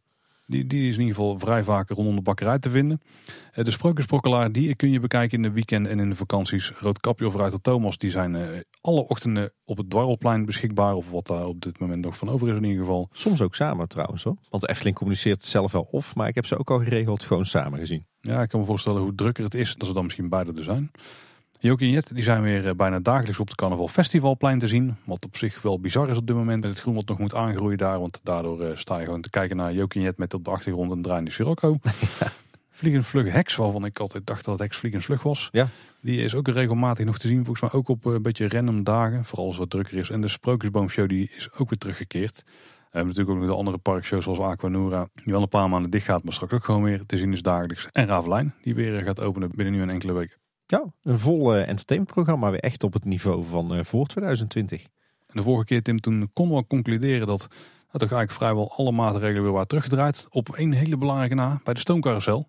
Ja, daar stonden allemaal nog, eh, nog mensen in de binnencirkel en in de buitencirkel en maar eentje op de molen. Maar inmiddels is het daar ook weer terug naar, naar de situatie van voor 2020. Want ze staan daar weer met drie tot vier medewerkers gewoon op de molen zelf. En dat betekent dat de stoommachine ook eindelijk weer gewoon kan draaien zoals het hoort. En een, eh, een laatste versoepeling of verandering. De teststraat die op het eh, busparkeerterrein stond, die is inmiddels ook verdwenen. Die is eh, afgevoerd. Testen zonder toegang is op veel minder plekken nodig. Dus ja, dan heb je er ook niet zo heel veel meer aan. Nee. Nou Paul, het lijkt erop dat we toch langzaam maar zeker echt tot het punt gaan komen dat we het blokje coronacrisis uit onze nieuwsafleveringen kunnen gaan schrappen. Wie weet is die komende aflevering gewoon leeg. Ik hoop het. Ik hoop het ook zeker. Ik las vandaag dat het nu echt vergelijkbaar is met een griepje. Dus mooi dat we dat punt uiteindelijk eh, behaald hebben. Ja, ik, ik ben nog wel benieuwd naar de nasleep van carnaval hier. Maar het lijkt wel mee te vallen, ja. Ja. Hey, we hebben ook eh, heel veel kleine nieuwtjes gekregen. En die zaten verstopt in een interview wat het Jaap had gedaan met Fons Jurgens. Jaap is natuurlijk een brancheorganisatie voor de, de pret- en themaparkwereld. En de De- leisurewereld in het algemeen volgens mij. De International Association of Amusement Parks and Attractions. Nou, dat is niet zo heel leisure in het algemeen dan, ja. Het ging het over eh, meerdere onderwerpen. De toekomstvisie kwam onder andere aan bod. Waarbij continuïteit, onafhankelijkheid en kwaliteit hoog in het vaandel staan. Hey, is dat eh, dan meteen een teken dat ze de echt gewoon zelfstandig willen blijven en zeker niet overgenomen willen worden door een eh, grotere partner? Er ligt er maar net aan wie je spreekt, want continuïteit kan voor sommige parken juist betekenen dat ze overgenomen worden, zodat het geld een iets minder probleem is, maar waarschijnlijk de budget ook wel kleiner, want daar hebben ze dan niks voor over te zeggen. Dus Ja, maar onafhankelijkheid, dat zo eh, bewust eh, genoemd te zien worden als eh, toekomstvisie. zat hij niet op de focus. Nee, dat is wel een goed punt dan, ja. Ze zijn de Chinese investeringsmaatschappijen hard van zich af aan het slaan, denk ik. En Vlaamse. Vlaamse. ik denk dat er allemaal mee wat in. Ja. Investeringen die gaan hand in hand met duurzaamheid, zegt Fonds. En daarbij hanteert hij zelf, zelfs de term duurzame betovering. Mooi gevonden. Ja, ik denk niet dat je die op in je marketinguitingen moet gaan hanteren overigens. Een van de doelen daarbij, en dat is ons natuurlijk bekend, in 2030 zou eh, de Efteling het enige themapark in Europa moeten zijn dat een 9 plus krijgt. Vind ik bijzonder, want daarmee degradeer je ook je collega's wel een klein beetje. Maar het is ook wel een, mooi doel om te ambiëren. Maar het feit dat je de enige wil zijn is wel bijzonder. Ja, dan je Ja. ook niet dat de rest heel hard gaat lopen. Dan hoorde ik vandaag wel een verslagje van Mark Versteden dat het in Disneyland Parijs weer een beetje bergafwaarts gaat. Dus, Oh, dat je er toch kunt genieten. Dus ja, ja, maar ik denk eh, Europa Park, Fantasialand. Ja dat is en Toverland laten die ook niet Ja, uitvlakken. oh, Ja. ja, zeker. Hm. Concurrentie is eh, goed en dat is alleen maar goed voor de Efteling natuurlijk ook. De Efteling die wil de natuurlijke omgeving behouden. En niet alleen dat, ze willen nog meer een natuurpark worden dan het nu al is. Nog meer. Nee, dit is een mooi doel. Maar dan moet het ook wel waarmaken natuurlijk. Ja, we zien wel dat er enorm veel bomen gekapt zijn eh, natuurlijk eh, recent voor Max en Moritz. En ja, uiteindelijk dus ook het nieuwe spookslot.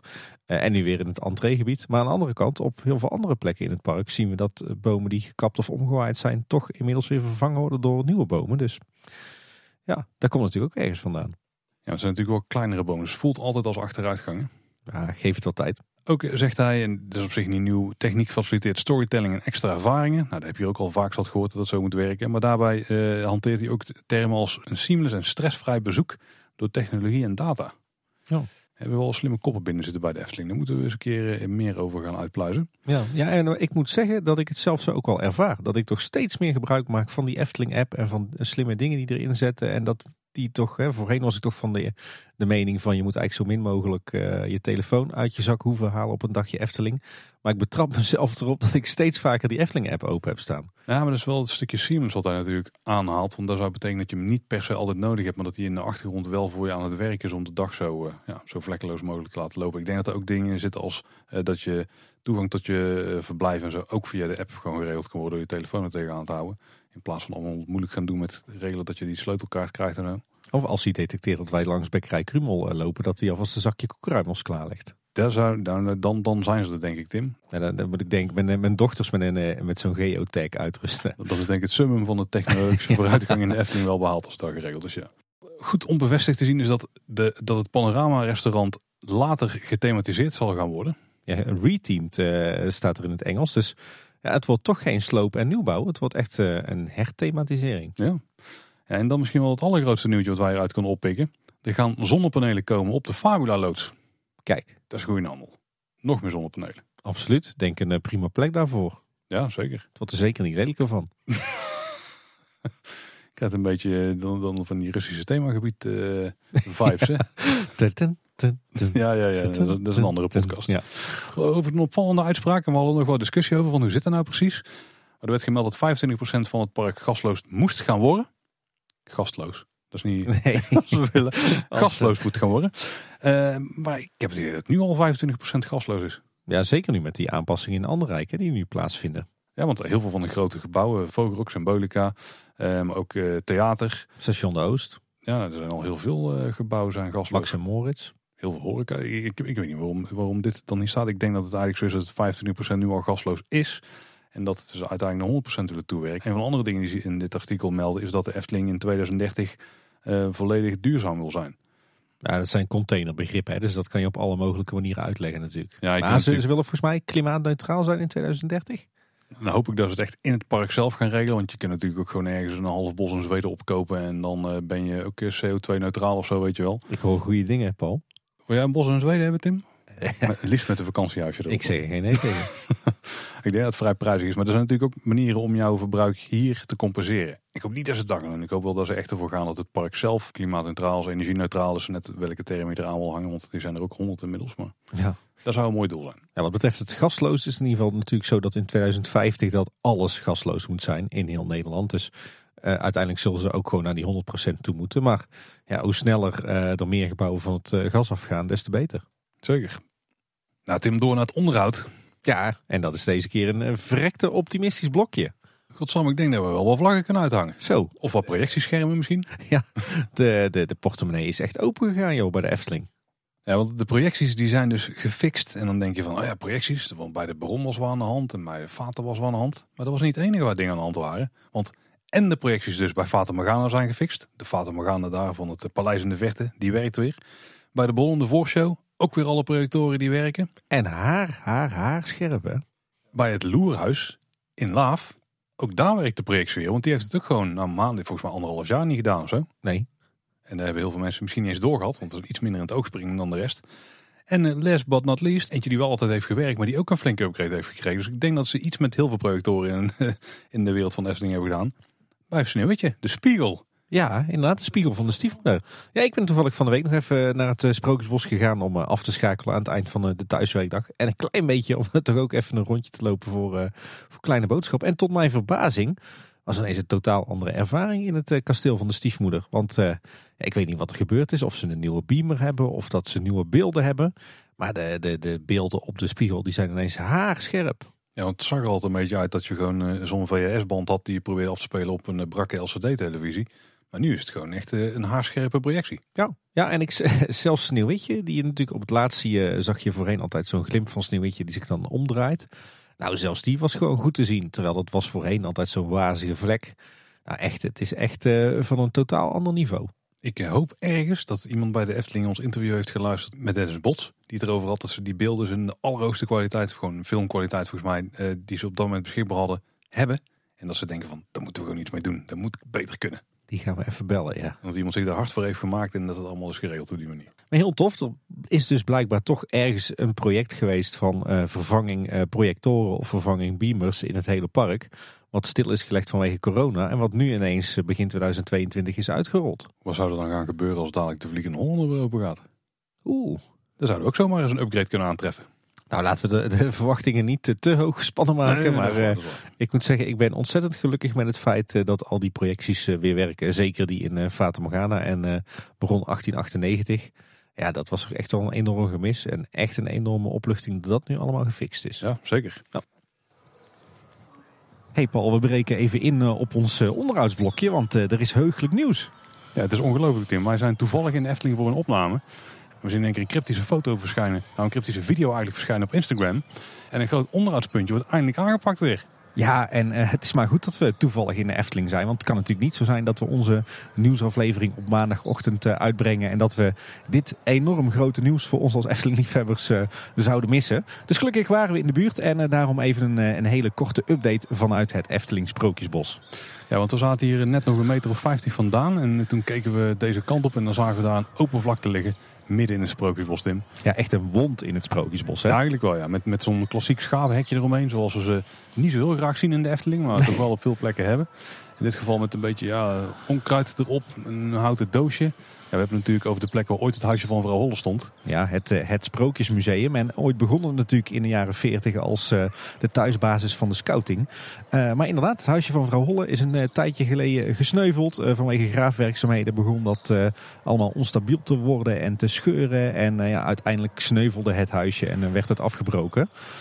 In eerste instantie werd er gezegd dat het zou worden herbouwd, maar daarna bleef het lange tijd stil. Natuurlijk ook veroorzaakt door de coronacrisis en de financiële gevolgen daarvan. En ik denk dat velen al wel de hoop hadden opgegeven dat het huisje ooit nog zou terugkomen. Maar gelukkig vandaag het prachtige nieuws dat het huisje wel degelijk terugkeert. En nog veel sneller dan ik eigenlijk had verwacht. Want in, in de loop van maart beginnen hier al de werkzaamheden aan het, de bouw van het nieuwe huisje van Holle. Ja, later in het jaar zou het al opgeleverd moeten worden. Nou zijn details nog schaars. Sowieso hebben wij het officiële persbericht nog niet gezien. Het is een beetje preventief opgenomen. maar ja, het gaat hier weer gebeuren, Tim. Er staat hier weer straks een, een huisje. Wat een fantastisch nieuws zeg. We, we, begonnen natuurlijk deze nieuwsaflevering al met het feit dat het park er zo mooi bij lag. Qua groen, alle onderhoudswerkzaamheden, alle projecties doen het weer. Er wordt volop geschilderd. En nu komt ook het huisje van mevrouw Holle nog terug. Veel eerder dan ik had gedacht. Ja, wat een, eh, een, een mooie week is dit zeg. Wel matig nieuws voor mijn uh, glazen bolpunten volgens mij. Had, had ik voorspeld of had jij voorspeld? Dat nou, volgens mij had ik voorspeld dat hij niet terug zou komen. Ja, dat vind ik maar bijzak, Paul. Ik, uh, ik kan me geluk niet op. Ik ben dolblij dat, uh, dat dit, uh, dit Efteling-icoon terug gaat komen. Het was natuurlijk een van de oudste gebouwtjes in Efteling. Misschien zelfs wel het alleroudste gebouwtje. Nou ja, het wordt nu natuurlijk een modern huisje. Maar zoals we de Efteling kennen de laatste jaren... zullen ze het zeker in, in oude glorie herstellen. Kijk bijvoorbeeld maar naar het, het huisje van Roodkapje... wat natuurlijk recent is afgebroken en herbouwd. En wat er eigenlijk precies zo uitziet als het originele gebouw. dus ik heb goede hoop dat, uh, dat het, uh, het oude Sprookjesmuseum, het huisje van vrouw Holle, weer uh, in ongeveer dezelfde verschijningsvorm gaat, gaat terugkomen. Nou, ik heb er zelfs wel hoop op dat ze nog gaan plussen ten opzichte van de vorige situatie. Want nu kunnen ze het huisje echt opbouwen van grond af aan als een huisje waar het sprookje moet plaatsvinden. Ja, jij wil zeggen dat je misschien wel toch naar binnen kunt in het huisje. Dan misschien, of misschien dat de buitenkant nog iets meer aantrekking krijgt. Dat er wel meer interessantere technische installaties in kunnen komen of zo. Er zijn er mogelijkheden. Er zijn heel veel mogelijkheden, ja. Maar in de basis is het vooral echt fantastisch dat dit huisje terugkeert. En, en dat ze er niet langer mee hebben gewacht eh, dan strikt noodzakelijk. Dus ik denk dat dat de Efteling zeer te prijzen is dat ze al dit soort klussen oppakken. En ja, we hebben weer een uh, interessant bouwproject om te gaan volgen de Zo, komende tijd. nog een, eh, Paul. inderdaad. Nou, moet in het najaar al klaar zijn, dus dat betekent dat er enorm hard eh, gebouwd gaat worden. Dat kan ook wel, want het is natuurlijk geen, eh, geen groot huisje. En ze zullen ook wel werken met, eh, met een staalconstructie. Maar eh, dit eh, worden weer veel eh, toffe bouwupdates voor ons. Zeker. Ja, en nu weer terug naar de studio, Tim. Ja, terug naar de nieuwsaflevering. Dan moeten we denk ik klassiek rondje park gaan doen, Tim. Verder. Ja, inderdaad beginnen we natuurlijk eh, in het Fantasierijk bij Aquanura. Daar zaten wat, wat rotte vlonderplanken in de vlonder die aan het Warrelplein ligt, hè, vlakbij de oliebollenkraam. Eh, die zijn tijdelijk vervangen door wat, wat houten platen, maar ik vermoed dat die uiteindelijk ook alweer vervangen worden door dezelfde planken. Eh, dan is er natuurlijk gewerkt aan eh, de grote vijverbak in de Pardoespromenade. Eh daar zijn al die, eh, die natuurstenen tegels op de vijverrand opnieuw vastgemaakt. En ook een aantal vernieuwd. Maar me viel op dat ook de nozzels, die zeg maar het, het water spuiten, die die boogjes maken, die zijn allemaal gloedje nieuw. Dus ik denk dat als er straks water in staat, dat we hier weer een hele mooie fontein op een rijtje hebben staan. Chic. Dan was er natuurlijk hard gewerkt aan het podium van Pardoes. Eh, natuurlijk op de kop van de watertafel. Eh, daar zijn, eh, is het podium, zijn eigenlijk die houten platen vervangen door natuurstenen platen. Eh, maar er is opnieuw een tent over het podium heen gebouwd. En wat blijkt, ze hebben ook het, het schilderwerk en het inschaduwwerk helemaal opnieuw gedaan. En ook bij Fabula werd hard gewerkt. Want dan kregen de hekjes in de buitenmeandering zowaar een schilderbeurtje. Dus ook voor dat soort klein onderhoud is er weer tijd en geld. En eh, het eh olifantentempeltje, tempeltje, dat werkt weer. Daar stroomt weer water in. En ook de watereffecten in de hoofdshow, waar een tijdje wat, eh, wat problemen mee waren bij de film, die werken weer gewoon. Nee, dat is goede handel. Weet je ook trouwens bij Fabula het, het minste vindt van heel de show? Het geureffect. Jazeker. dat is echt een ontzettend muffe lucht. Maar die hangt nou gewoon al in die ruimte als je binnenkomt. Is je ook opgevallen? Ja, klopt inderdaad, ja. Oh, echt eh, nee, niet, niet aangenaam. Beetje overdosis eh, geurolie, denk ik. Ja, daar is iets niet helemaal goed gegaan. Nee, nee. Eh, door naar het andere rijk. Eh, nou, bij Fatima hadden we het natuurlijk al over dat, dat de projectie daar weer werkt. Maar ook alle geureffecten werken weer. Kijk, En ook goed nieuws bij de Piranha. Die is namelijk weer gevuld en er wordt op dit moment eh, test gedraaid. En op 11 maart, dus wanneer deze podcast uitkomt, dan is dat inmiddels alweer enkele dagen. Dan gaat die attractie weer open. Twee weken eerder dan gepland. Ja, bij Fatima gaan ook de geureffecten weer. We gaan weer richting de 9 plus. Ja, inderdaad. Gaat echt goed, lekker met het onderhoud. Door naar het, eh, het Ruigrijk. Eh, de Vliegende Hollander die is natuurlijk nog eh, in winteronderhoud, maar ook daar zien we heel wat, wat ontwikkelingen. Alle boten zijn vanuit de machinefabriek, waar ze ieder jaar worden onderhouden, zijn weer terug naar de Efteling gekomen en in de baan gezet. Ehm, de baan is inmiddels ook gevuld en, en er vinden allerhande testritten plaats. Eh, verder zijn ook nog eh, naast de buitenketting ook nog enkele boosterwielen eh, vernieuwd in de buitenbaan. Die de boten zeg maar voortbewegen zodra je de, de ketting verlaat. En ook een hele mooie trouwens. Je hebt natuurlijk de tunnel waar je in duikt met je boot op het moment dat je uit de, de, zeg maar de toren komt. Die stond een tijdje in de stijgers. Daar vond wat, wat schilderwerk plaats aan het, zeg maar de kunststof houten balken boven de, de opening waar je invalt. Maar op die, eh, die kunststofbalken stonden vroeger ook eh, nog allerlei houten plankjes, waardoor het eh, er allemaal wat, eh, ja, wat logischer en wat natuurlijker uitzag. Die zijn eh, een heel aantal jaren geleden verdwenen. En zowaar zijn, eh, zijn die nu weer eh, eraan toegevoegd. Dus dat eh, ziet er allemaal weer eh, extra tof uit. Dan even verderop, eh, het eh, terras van het Kombuis. Daar zijn een aantal netten van vernieuwd. En eh, minder goed nieuws. Joris en de Draak lag opnieuw een eh, dagje stil. Volgens mij was dat 1 maart. Vanwege een eh, noodreparatie aan de baan. Dus eh, die eh, achtbaan vraagt toch veel onderhoud en veel aandacht. En tot slot, we hebben natuurlijk in eerdere nieuwsafleveringen al her en der boompjes vermeld die nieuw zijn aangeplant. En mij viel op dat er ook wat, wat nieuwe boompjes zijn geplant langs het pad wat van de Meermin naar de, de voorkant van Bron 1898 eh, voert. Op de oever van de Gondoletta-vijver. En dan het reizenrijk, Tim. Daar gebeurt natuurlijk eh, een enorme onderhoudsklus. De pagode. Het grote onderhoud daar is inmiddels gestart. En dat is ook wel te zien, want er is een enorme bouwterrein gemaakt. Het hele pad wat daar tussen de pagode en de reizenrijk loopt, dat is nu echt alleen nog maar het pad. Want de rest is helemaal afgezet. En de vorige keer had het al over een ketenpark op de speelweide. wat- Waar je dacht dat voor de bouw van het poppersprookje was. Is mogelijk ook voor een deel wel. Maar dit lijkt ook wel het bouwterrein te zijn voor eh, dit groot onderhoud aan de pagode. Nou, het was ook wel duidelijk dat er iets eh, ging gebeuren op eh, maandag 28 februari, eerste dag van het onderhoud. Meteen twee enorme kranen van man moeten plaatsen.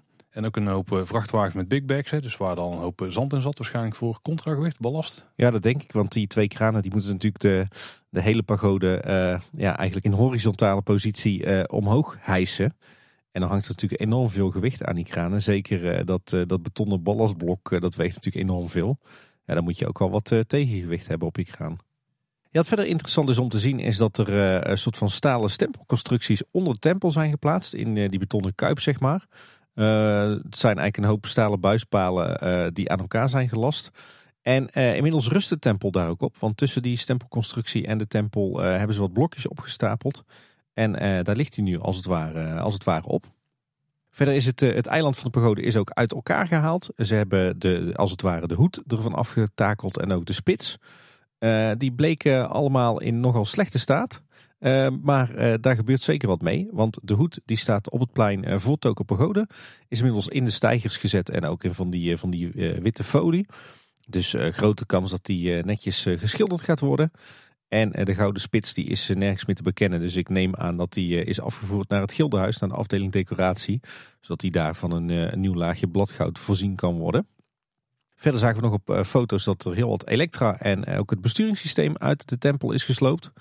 En dat eh, de rode zeilen die aan de onderkant van de tempel zitten, dat die zijn, zijn weggehaald.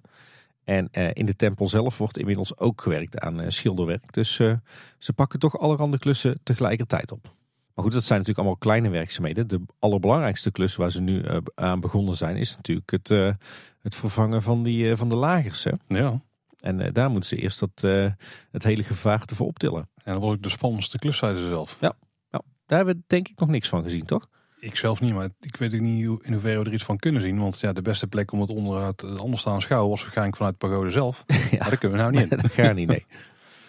Ik weet niet hoe we dit kunnen zien. Vanuit, vanuit de trein misschien? De stoomtrein? Ja, misschien dat je daar nog het beste beeld hebt. Ja, dat is ook vrij afgeschermd, denk ik. Misschien vanaf het Harthof. Ja, dat is, dat zie je in ieder geval. Ja, dus ja, dat is wel een goede. In ieder geval het blok omhoog wordt gegeven Ja. voor een stuk. Ja, foto's op de blog en op eh, social media zou ik zeggen. Hey, dan nog even door naar de gondoletta. Daar vindt ook nog wat, eh, wat, eh, wat groenwerk plaats. We hadden het er al eerder over dat er aardig wat snoeiwerk had plaatsgevonden langs de Spiegellaan. Hè. Heel veel struiken die zijn er helemaal teruggezet. Maar mij viel op dat ze ook daar een aantal nieuwe bomen hebben geplant. En de hoek bij de Stenen Brug, eh, die was ook kaal. En eh, ook daar zijn ze inmiddels nieuwe plantjes aan het zetten. Dus eh, er is ook heel veel budget voor eh, groen dit jaar. Dan door naar Carnaval Festival. Daar komt er weer rook uit de neus van de Chinese draak in de China-scène. Goed nieuws natuurlijk. Maar de molen van de Moulin Rouge, de, de wieken zeg maar, die staan helaas al een aantal weken stil. In de wereld van Simbad nog wat ontwikkelingen. Daar zijn er wat nieuwe boeien toegevoegd aan de vijver rond de attractie Sirocco. En eh, opnieuw vonden er wat inmeetwerkzaamheden plaats eh, door de firma Fugro eh, in het hele gebied. Werd de vraag gesteld, zijn dit dan de voorbereidingen voor fase 2? Zou kunnen, maar we horen eigenlijk nergens op de wandelgangen ver- geluiden dat fase 2 al aanstaande zou zijn. Dus behalve volgens een, Japa-interview dan. Maar ja, ah ja, direct aanstaan leek het ook niet echt op. nee, het was ook niet echt concreet hè, wat dat betreft. Dus ik denk dat dit nog gewoon voor de revisietekeningen was. Ook een heel tof onderhoudsnieuws eh, bij Vogelrok. Daar wordt namelijk gewerkt aan het eh, herstel van de, de muurschildering achter de vogel. En eh, een aantal dagen deze week was de dubbele laan afgezet, want daar vond nog wat snoeiwerk plaats aan de grote platanen daar. Dan gaan we door naar het, eh het Marenrijk. Ook daar vooral heel veel positief nieuws. Bij Droomvlucht zijn ook de geuren terug en de schutting van het terras, die was omgewaaid tijdens een van de stormen, die is hersteld. Ehm, ook Zwaan Kleef aan werkt eindelijk weer. Eh, er werd van de week volgens mij een nieuwe datakabel naartoe gelegd. Dus misschien dat ze daar nu een eh, moderne klok in hebben gezet. Of een mode- moderne aansturing van de klok. Want dat was dat natuurlijk allemaal nog redelijk eh, ouderwets. Maar heel tof dat, dat alle automaten en, en mechaniekjes aan het Antropiekplein nu weer gewoon werken. Dan in het diorama. Daar konden we eerder natuurlijk ook al over berichten dat alle eh, treinbanen, alle zevende treintrajecten en ook alle andere bewegingjes in het eh, tafereel, dat die allemaal weer eh, gewoon netjes werkten.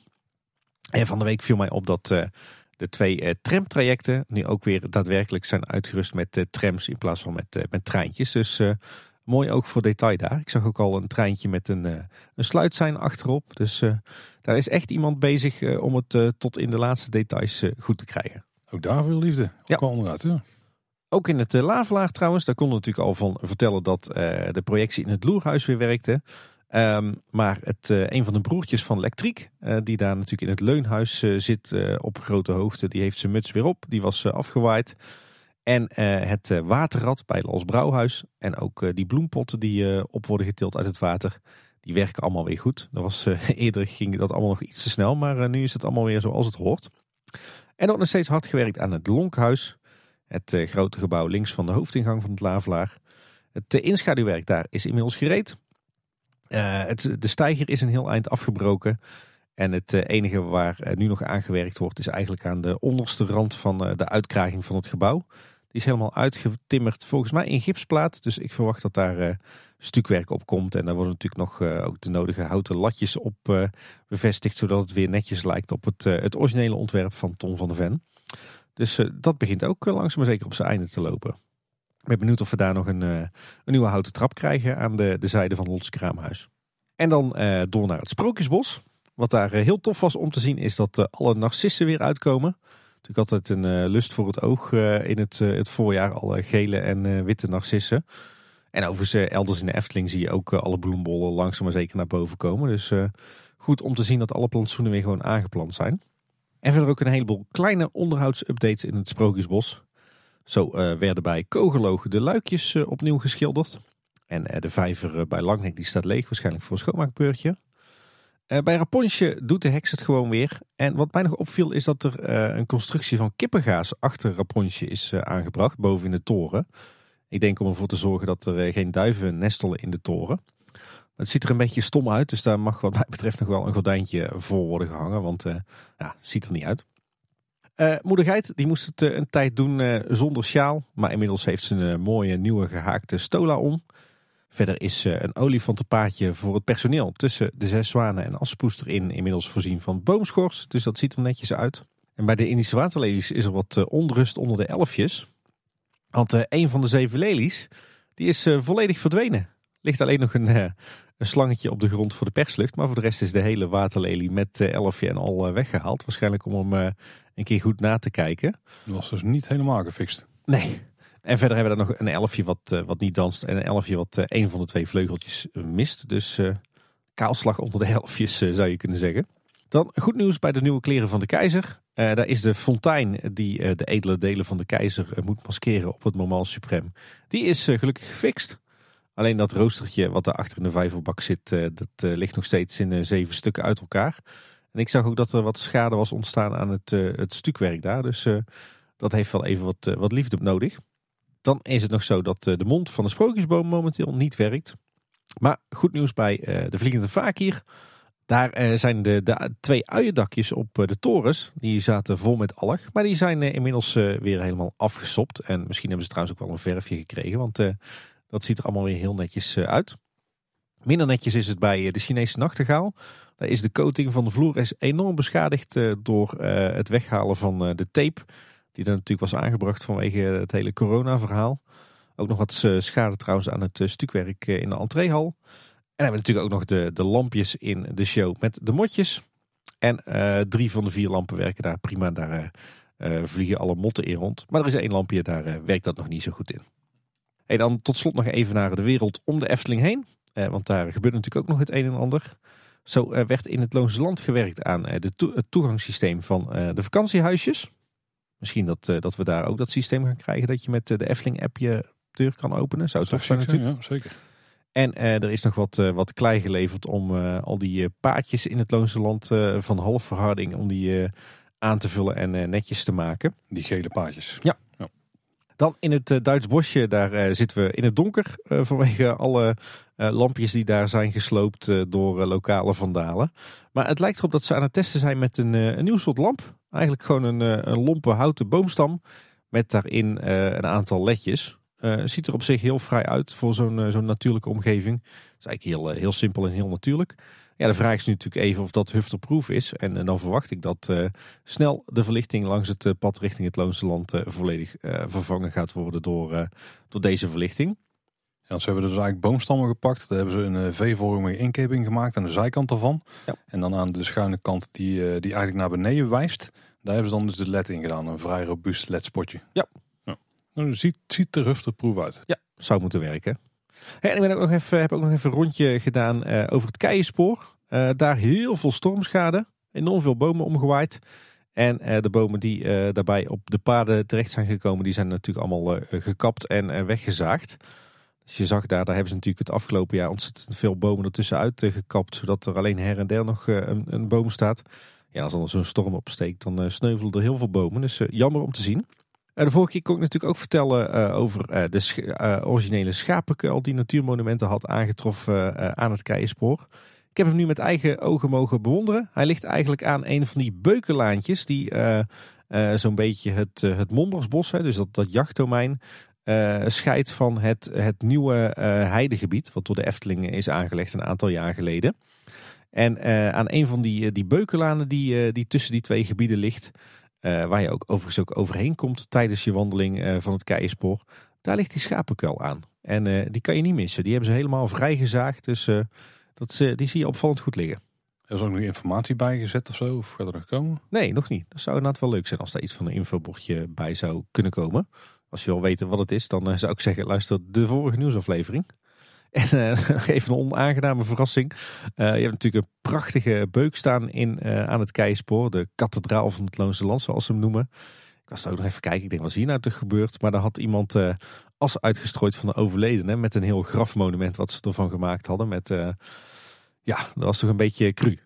Dat mag ook niet echt volgens mij. Nee, volgens mij moet je daar toestemming voor hebben van de gemeente. En ik kan me niet voorstellen dat ze daar uh, toestemming voor hadden. Want ik was gaan kijken, denk, was hier nou te gebeurd? En voordat ik er erg in had, stond ik in de as van de overlevende, overledene. Ik denk, nou, niet heel erg uh, chic. Nee, nee. Hey Tim, door naar het kort nieuws. En dan eerst een belangrijke mededeling voor eh, de abonnementhouders van de Efteling. Want de afgelopen weekend op 12 en 13 maart, toen waren er uitkoopdagen. Dus toen was je abonnement niet geldig. Dan komt er nog één zo'n weekend aan. Waar we in ieder geval nu van op de hoogte zijn voor de zomer. En dat is op 26 en 27 maart, dus over twee weken. Ook dan is je Efteling abonnement niet geldig. Uh, ook interessant, uh, er was een akkefietje wat de Efteling had met de uitgever van de muziek van uh, Monsieur Cannibal. Ja. Maar er is inmiddels een deal gesloten met die uitgever. Die heet Prosadis.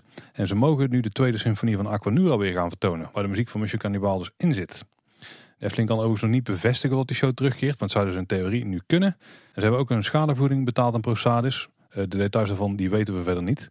Maar de grote vraag is denk ik vooral waarom hebben ze dit gedaan? Zeker als het nog geen zekerheid is dat die show gaat terugkeren. Ja, ze hebben natuurlijk een deal moeten sluiten met, met ProSades. Hè? Want uh, ze hadden recht op een schadevoeding omdat ze de Efteling al die jaren dit liedje had gebruikt. Misschien dat onderdeel van die deal ook al is dat de Efteling met die muziek van Aquanura kan doen wat ze zelf willen. Ja, gewoon voor de zekerheid. Ja. Nou. Het, lijkt mij op zich toch niet dat je er bewust uh, moeite voor gaat doen om de ritmuziek van een attractie die je eigenlijk verder vooral wil doodzwijgen om die toch weer terug te kopen. Hm. Ja, nou, de muziek op zich die is ook al bizar genoeg trouwens. Nou, dat is niet aan ons. Uh, wel een, nieuw kindermenu. Tim was aangekondigd in de Efteling. Er zit ook een, een kleine twist aan nog. Uh, het kindermenu bestaat namelijk uit een uh, herbruikbaar rood kommetje met witte stippen. En er zit een wit stammetje bij. En dat is dan een speaker waar het muziekstuk uit te horen is van de paddenstoelen. Want als je namelijk het voetje hebt met die kom erop, dan heb je gewoon een muziekpaddenstoel uiteraard. Er was uiteraard wat uh, aandacht aangeschonken door de Efteling en de sortimentsmanager uh, van de horeca Michiel van Kempen die vertelt bij het ontwikkelen van het nieuwe kindermenu was het verminderen van afval een belangrijk uitgangspunt. Het nieuwe kindermenu heeft daarom geen kartonnen doosje, maar wel een herbruikbare kom. Zo wordt er niks weggegooid en neemt de gast een leuke Efteling herinnering mee naar huis. Met onze muzikale paddenstoel denken we in totaal ruim 10.000 kilo karton, dus vrij veel, ja. en ruim 1500 kilo plastic met aluminium te besparen. Oh, heel mooi initiatief. Dat wel, maar ja, je, je zal het wel mensen thuis op met het stuk plastic waar ze waarschijnlijk niks meer in hebben naar, waarschijnlijk die, dat stammetje al niet na drie dagen meer, maar... Nou, het is toch een leuk souvenir. Je eigen Efteling muzikale paddenstoel. Het zou mij dus ook best wel eens kunnen tegenhouden om die dingen te kopen. Want we gaan niet de kinderen iedere keer een kindermenu geven als we zo'n kom mee naar huis nemen. Want dan zitten we na een paar weken met ja, een stapel kommen waar uh, het kastje niet op berekend is. Mm, daar zit wel wat in, ja. Maar ik denk dat de terugkerende abonnementhouder ook niet per se de doelgroep is. En ik denk dat heel veel abonnementhouders ook geen, niet iedere week een kindermenu bestellen bij de Efteling. Toch? Dat doen wij overigens ook niet hoor in de praktijk. Maar nee. in, de zomer kan het nog wel eens gebeuren dat, dat, er een paar in een maand erheen gaan. Nou, ik moet zeggen, ik vind het wel een, eh, een leuke nieuwe versie van, uh, van het kindermenu. Dat zeker. Maar het, het, is meer dat het besparen van afval. Kijk, je bespaart wel 10.000 kilo karton en 1500 kilo plastic met aluminium. Maar hoeveel kilo zeg maar, hard plastic ga je ervoor terugbrengen? En hoe recyclebaar is dat? Want volgens mij zijn het ook niet echt objecten die je in, uh, of in de, zak plastic kunt meegeven. Die, uh, nee, er zitten batterijtjes in een speakertje. Nee. Dus, dus het is wel, de afvalstroom bij de Efteling die vermindert. Maar ik denk dat netto je hier niet echt heel veel winst mee, uh, mee ophaalt. Terechte kanttekening denk ik, Paul. Maar wat zit er dan in in het menu? Frietjes met een snack. En die snack kunnen dan kipnuggets zijn. Er kunnen frikandelletjes zijn, ook in vega-uitvoering. Of tomaatjes. En je kunt er dan appelsap, water of een appeltje bij krijgen. En in het Witte Paard heb je nog een uh, gezonder alternatief. gezonder, tussen airquotes. Uh, een vegan pasta of een satéetje als snack. Nou, als het satéetje vertaan het gezonde alternatief is, Tim, dan uh, lijkt me dat een prima optie. Daar tekenen wij voor, inderdaad. Uiteindelijk kun je dit menu gescoren in het park op meerdere plekken, zoals het Witte Paard, de Hongerige Machinist, vrouw Bolterskuurge en de Smulpaap. En nogmaals bij het Witte Paard dus met die gezondere alternatieven. Nou, ik denk dat wij deze toch wel uh, dit jaar een, uh, een, aantal keer gaan uitproberen. Hoor. Zeker. En ik durf niet te garanderen dat er niet toevallig één exemplaar van het kindermenu in de verzameling belandt. Ja, maar dan zonder alle eetbare attributen ook. Ja, inderdaad. en waarschijnlijk dat er bij beide meiden op de kamer ook zo'n paddenstoel komt te staan. Ik kan me zo voorstellen. En dan uh, ook uh, leuk nieuws. Uh, er is natuurlijk getest met de virtuele wachtrij. Deze keer niet bij de Lavla monorail, maar bij de Oude Tufferbaan. die tests die zijn begonnen op zaterdag 26 februari. ik hoorde geluiden dat die inmiddels alweer afgelopen zou zijn. Dat zou betekenen dat er maar twee weken getest is. Vind ik wat, wat kort, maar ik durf het ook niet met zekerheid te zeggen. Ik heb er zelf gebruik van gemaakt, één keer. Liep op zich prima. De Efteling app is is heel makkelijk in gebruik. En het was uh, ter plaatse ook allemaal heel duidelijk gecommuniceerd met borden en medewerkers. Dus dat liep net als bij de Lavela monorail liep dat helemaal prima. enige nadeel is dat er toch nog een of andere bug in de app zit. Want ik kreeg op een gegeven moment een melding van ja, je moet nu naar de oude Tufferbaan. want binnen nu en vijf minuten mag je naar binnen. En toen kwam ik daar en toen opende ik mijn telefoon. En toen was die melding weg. En toen opende ik de Efteling app en de oude Tufferbaan. En daar kreeg ik ineens te zien, uh, ga hier in de virtuele wachtrij staan een half uur.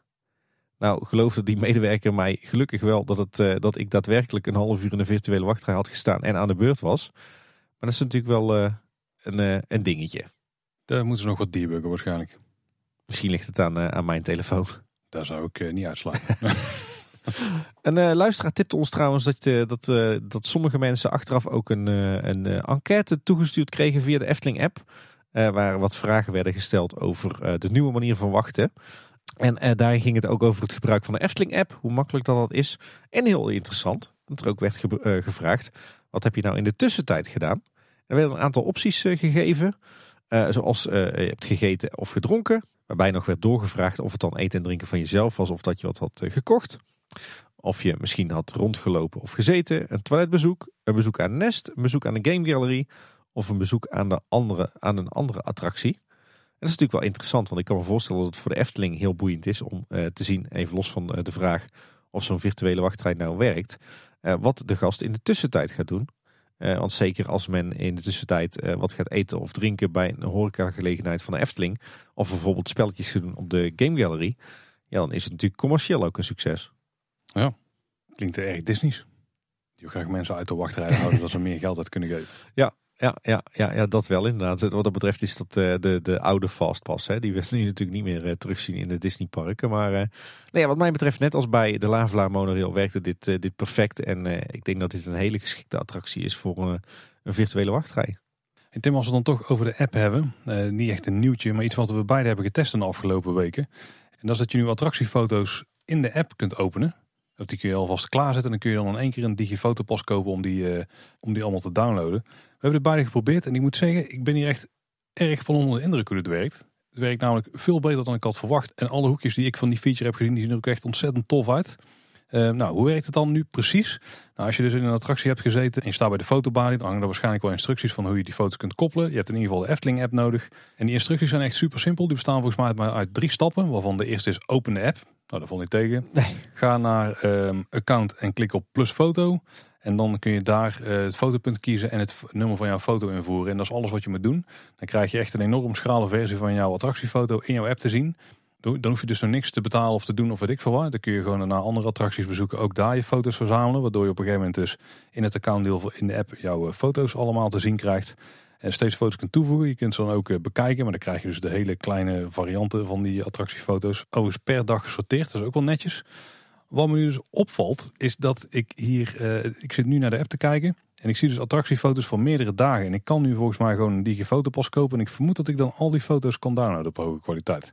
Dus dat is ook wel interessant hoe dat werkt ik bedoel, het is geen tip of zo voor luisteraars, maar het zou kunnen zijn dat je na een, week op Bosrijk gewoon één dag een uh, digifotopas kunt kopen en al die foto's kunt downloaden. Misschien ook niet, ik heb geen idee hoe het werkt.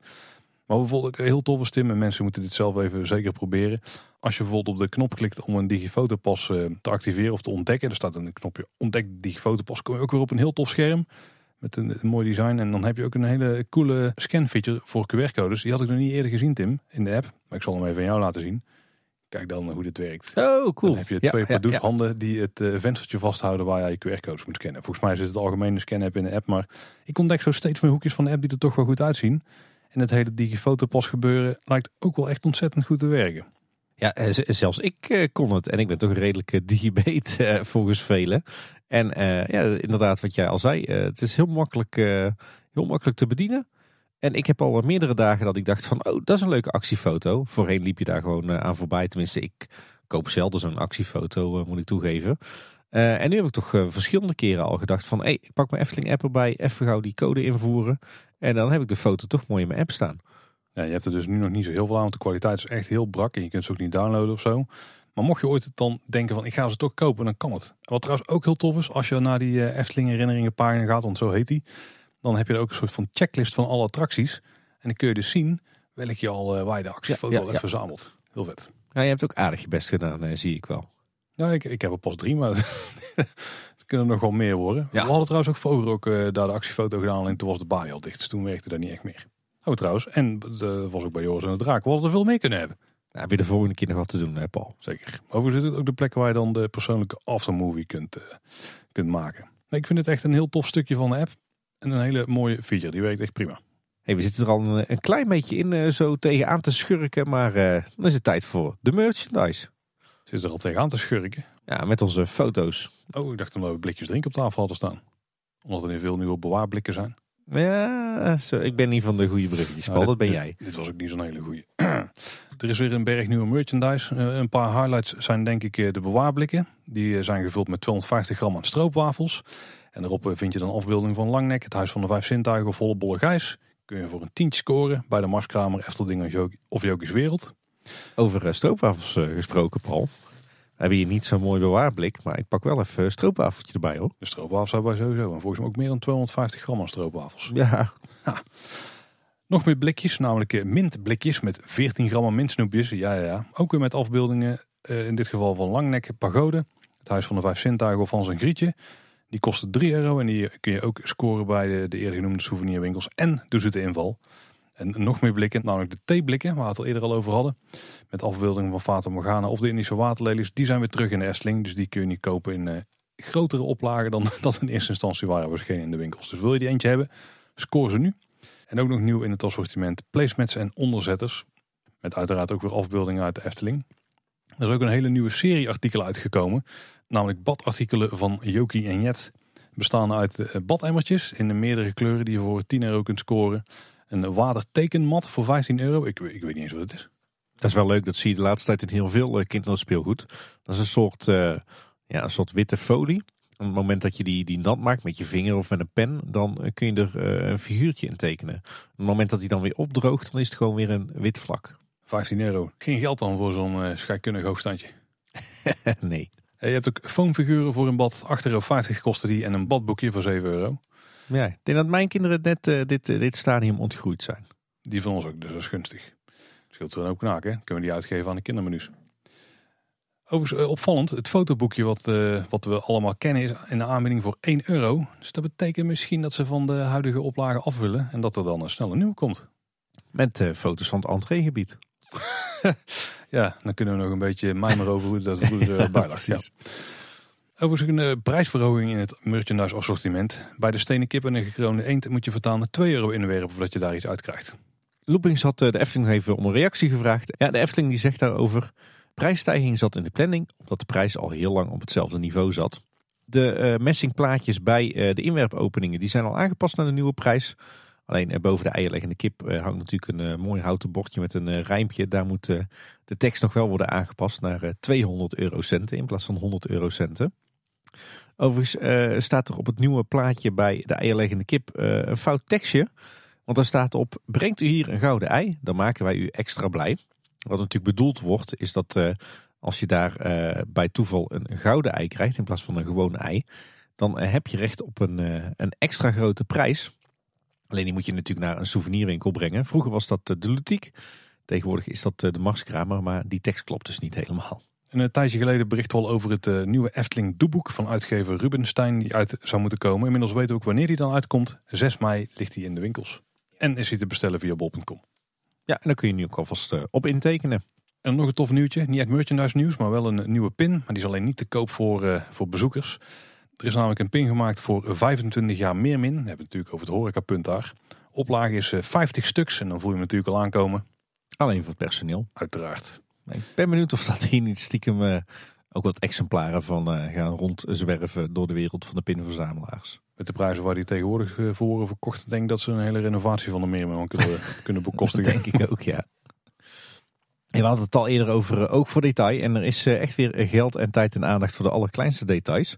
Want uh, een deel van het nieuwe wagenpark van Efteling is inmiddels van gethematiseerde bestikkering voorzien.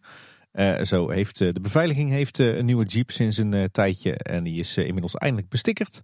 Met Efteling beveiliging erop. En ook de nieuwe grote veegwagen. waarvan ze de aankoop recent aankondigden de, voor de Milieudienst.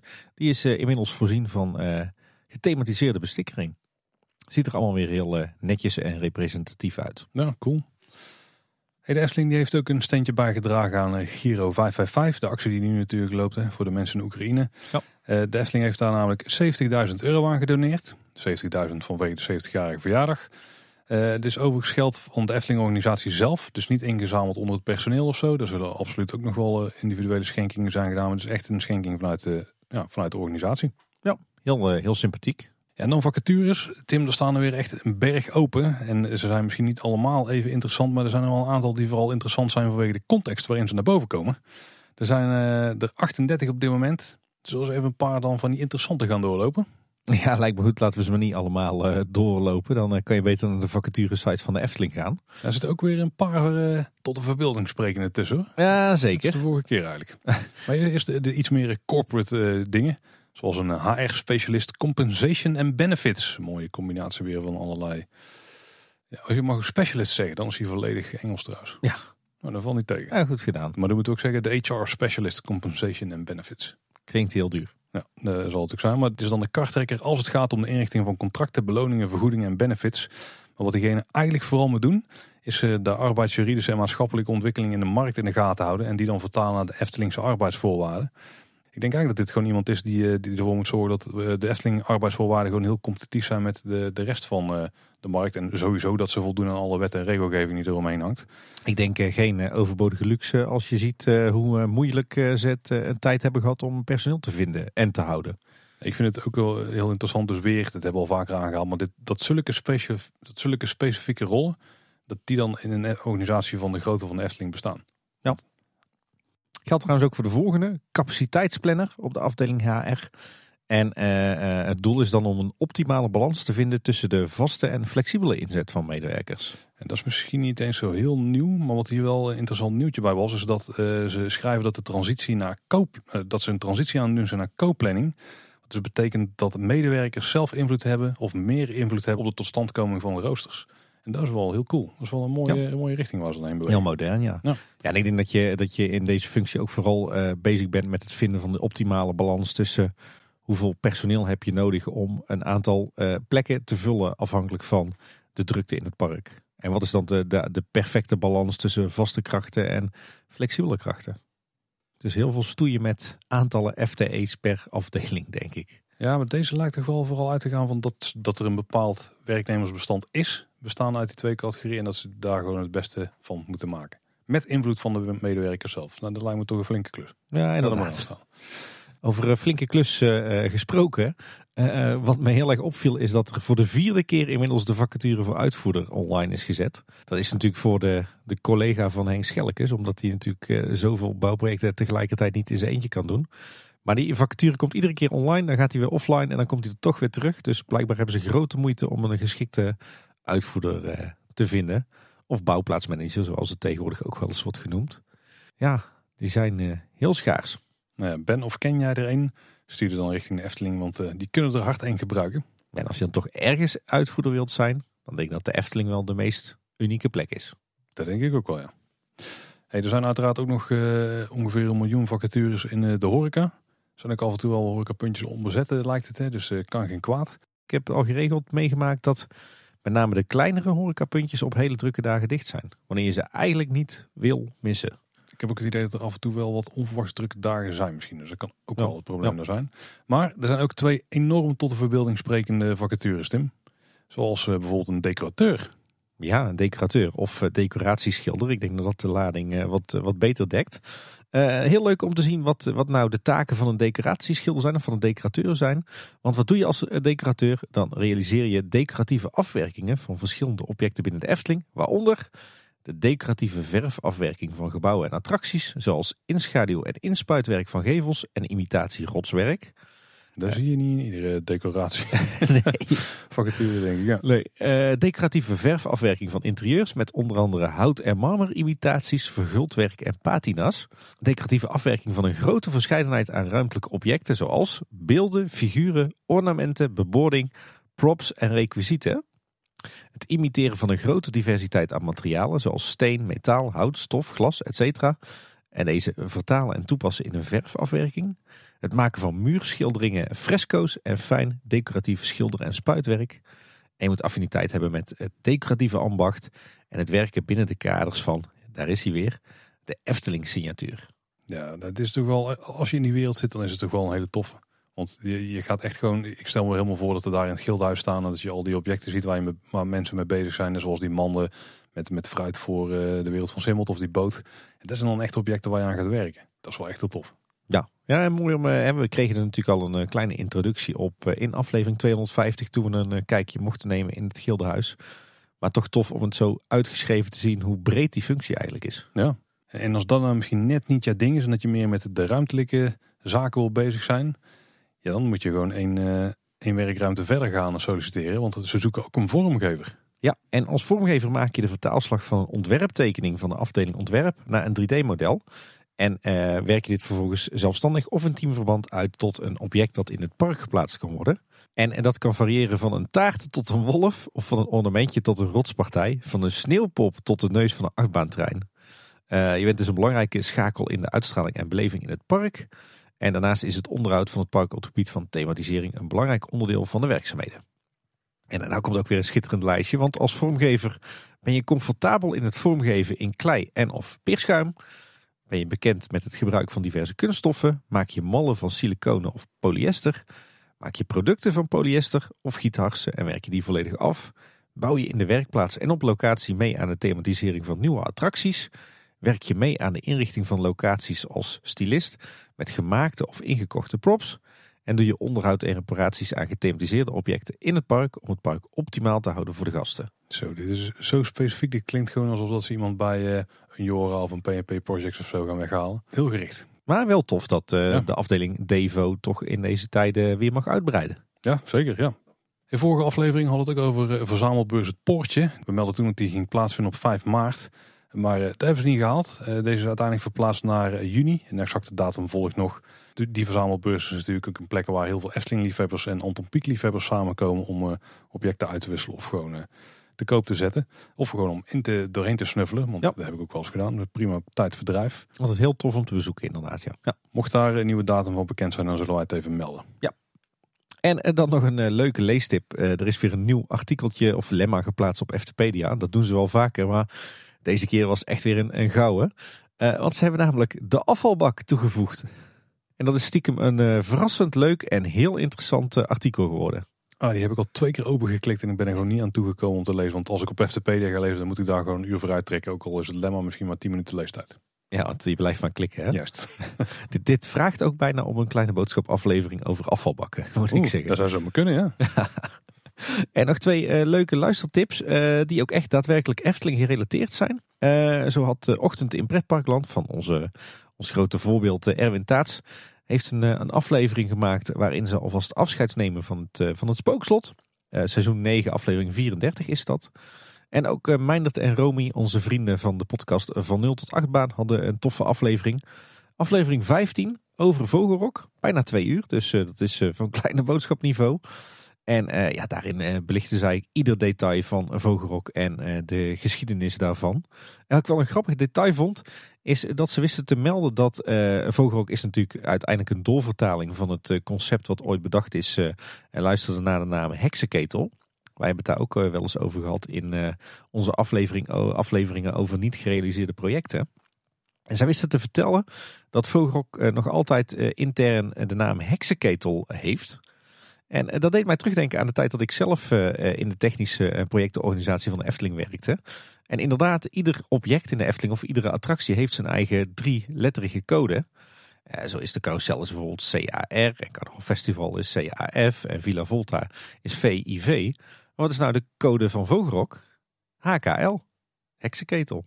Dus inderdaad, Hm. Zo heet die eh, in de administratie nog steeds. Ik moest daar wel, eh, wel om lachen. En trouwens ook een grappige, we hadden het in een van onze vorige eh, afleveringen, volgens mij onze vorige nieuwsaflevering, over een hele toffe video over het Harthof, zeg maar de voorganger van Symbolica. Die gemaakt was door een Epic Nus NL. En dat blijkt gewoon minder te zijn van, Ah, van 0 tot oké. 8 baan. Houdt er twee goede pretparkgroepjes op na. ja, Zij, zijprojecten moet het eigenlijk noemen. Ja. Kom maar op met meer van de video's, Mindert.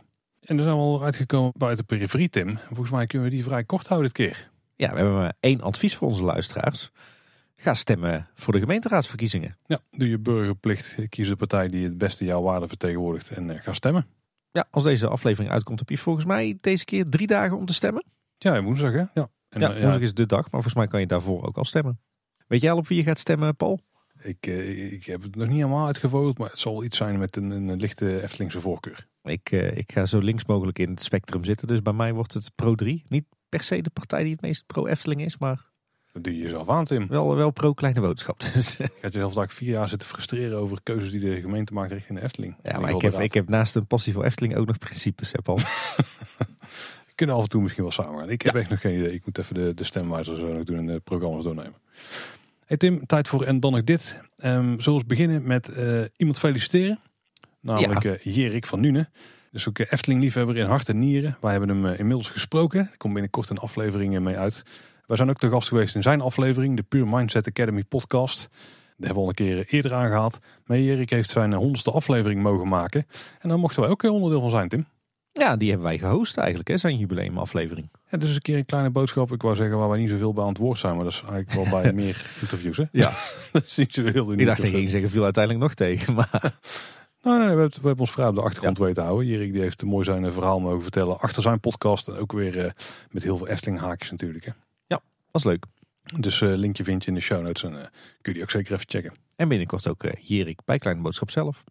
Tim, heb jij nog eh, bijzondere activiteiten ondernomen de afgelopen dagen? Ja, ja, ik wel op twee leuke plekken geweest. Even los van eh, de Efteling natuurlijk en alle andere mooie plekjes eh, op deze wereld. We zijn een dagje met de mijnen naar Rotterdam geweest. Natuurlijk een mooie stad. En voor het eerst een hele lange tijd naar het Maritiem Museum geweest. Dat ligt daar in, in de Oude Haven. Eh, voor het eerst met kinderen. Was wel grappig. We kwamen daar aan en ze zeiden... Oh, jullie hebben kinderen. Nou, dan sla al deze exposities maar over. Dan ga maar gelijk naar de bovenste verdieping, want die is speciaal voor kinderen.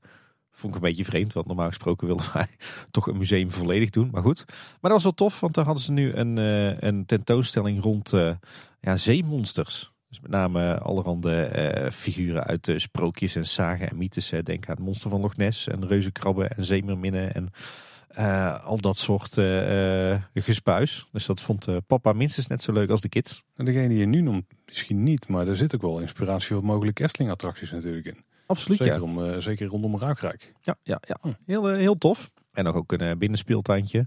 En eh, later zijn we nog lekker door eh, Rotterdam zelf getrokken. Onder andere de markt al even bezocht. lekker gegeten. En eh, uiteindelijk ook nog naar het eh, buitenmuseum van het Maritiem Museum geweest. Hè. Daar kan je nog allerlei historische schepen en stoomschepen bezoeken. Heel tof. Dus een leuke dag gehad in, in Rotterdam. En wat ik heel tof vond is dat ik voor het eerst in, nou wat zal het zijn, 25 jaar weer eens naar het Archeon ben geweest. Daar ben ik in heel mijn leven nog niet geweest, denk ik. Ja, misschien één keer. Ja, misschien één keer op de basisschool of zo. Ja, ja, het is natuurlijk, ja, wat is het? Het is een soort openluchtmuseum, maar dan uh, vooral gefocust op de prehistorie, de Romeinse tijd en de middeleeuwen. Ik moet zeggen, het, het, zag er nu al heel anders uit dan toen ik er als kind kwam. Want toen was het echt een enorm terrein met ook een enorm imposant entreegebouw, helemaal van glas gemaakt. Uh, maar ik geloof dat ze tussendoor een keer bijna failliet zijn geweest. En dat ze zo'n beetje het halve terrein verkocht hebben.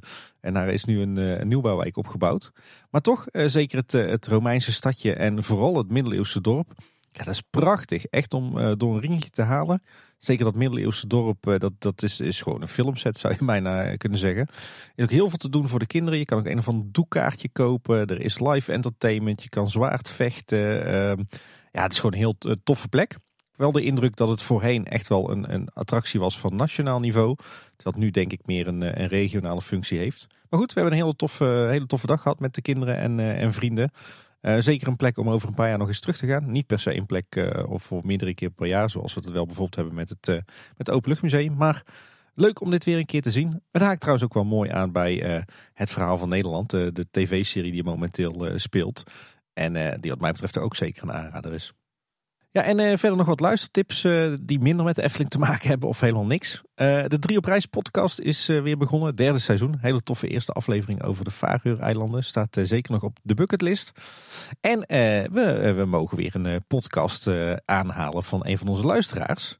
Namelijk de nieuwe podcast Van Aap tot Zebra van Nikki Tabak. zij luistert ons ook al heel lang. Ze is volgens mij ook redactrice bij Radio 2. En ze heeft nu haar eigen podcast over uh, Wildlands Adventure Zoo, de dierentuin in Emmen. Specifiek over Wildlands? Ja, ja, ja. Oh, cool. En het uh, toffe is dat ze die maakt samen met uh, de persvoorlichter van Wildlands zelf. Dus je hebt dan echt iedere, iedere twee weken zowel de voorlichter van het park als een echte fan aan de microfoon. Ja, en daar gaan ze echt tot in het allerkleinste detail in op, op alle ontwikkelingen in Wildlands.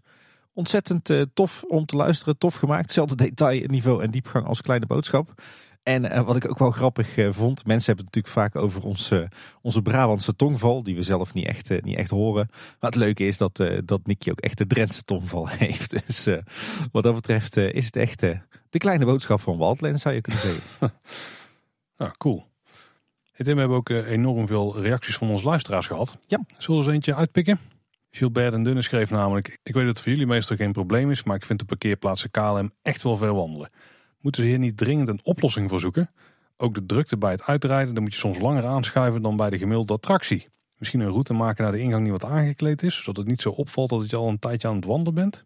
Interessante vraag, die natuurlijk wel, uh, wel actueel is met alle werkzaamheden in, uh, op de parkeerterreinen. Ja, nu hebben ze ook wel de mogelijkheid om eventueel iets aan te doen. Hè. Neem niet weg dat op eh, KLM zelf stiekem ook al wel een end moet lopen. Zeker als je daar onder de zonnepanelen staat. Wat denk ik op zich best een prima plek is om je auto neer te zetten. Vanwege de voordelen dat die niet in de zon staat of onder de sneeuw ligt aan het eind van de dag. Als je daar staat moet je bijna de, lengte van het halve parkeerveld aflopen. Als je achteraan staat ook trouwens. Dat schiet dan ook al niet op. Ja, ik hoop dat, ze hier wel, eh, dat dit wel een punt is waar ze aandacht aan gaan besteden. Ik ben bang op de korte termijn dat we hier nog niet zo heel veel van gaan zien. Omdat ja, ik behandel KLM nu toch wel een beetje als uh, iets tijdelijks, zeg maar. Ja, Dit, dit, is nu, nu, een vluchtige plek, dus eh, alle investering die je daarin doet, die is uh, voor de korte termijn. Zo zie ik het. De zonnepanelen op vak M zijn daarbij wel interessant, want daar weten we dankzij Wieken, die zijn verplaatsbaar. Ja. Dus die zetten ze daar nu wel neer. Is facilitair waarschijnlijk het handigst. Ook omdat je nu niet echt ellenlange kabels die kant op hoeft te, te graven. Want ja, er moeten wel flinke kabels heen. Maar als je ze bijvoorbeeld al op ja, het uiteinde van uh, vak O zou zetten. Het deed niet eens meer vak O dan. Ik weet niet wat de officiële naam is.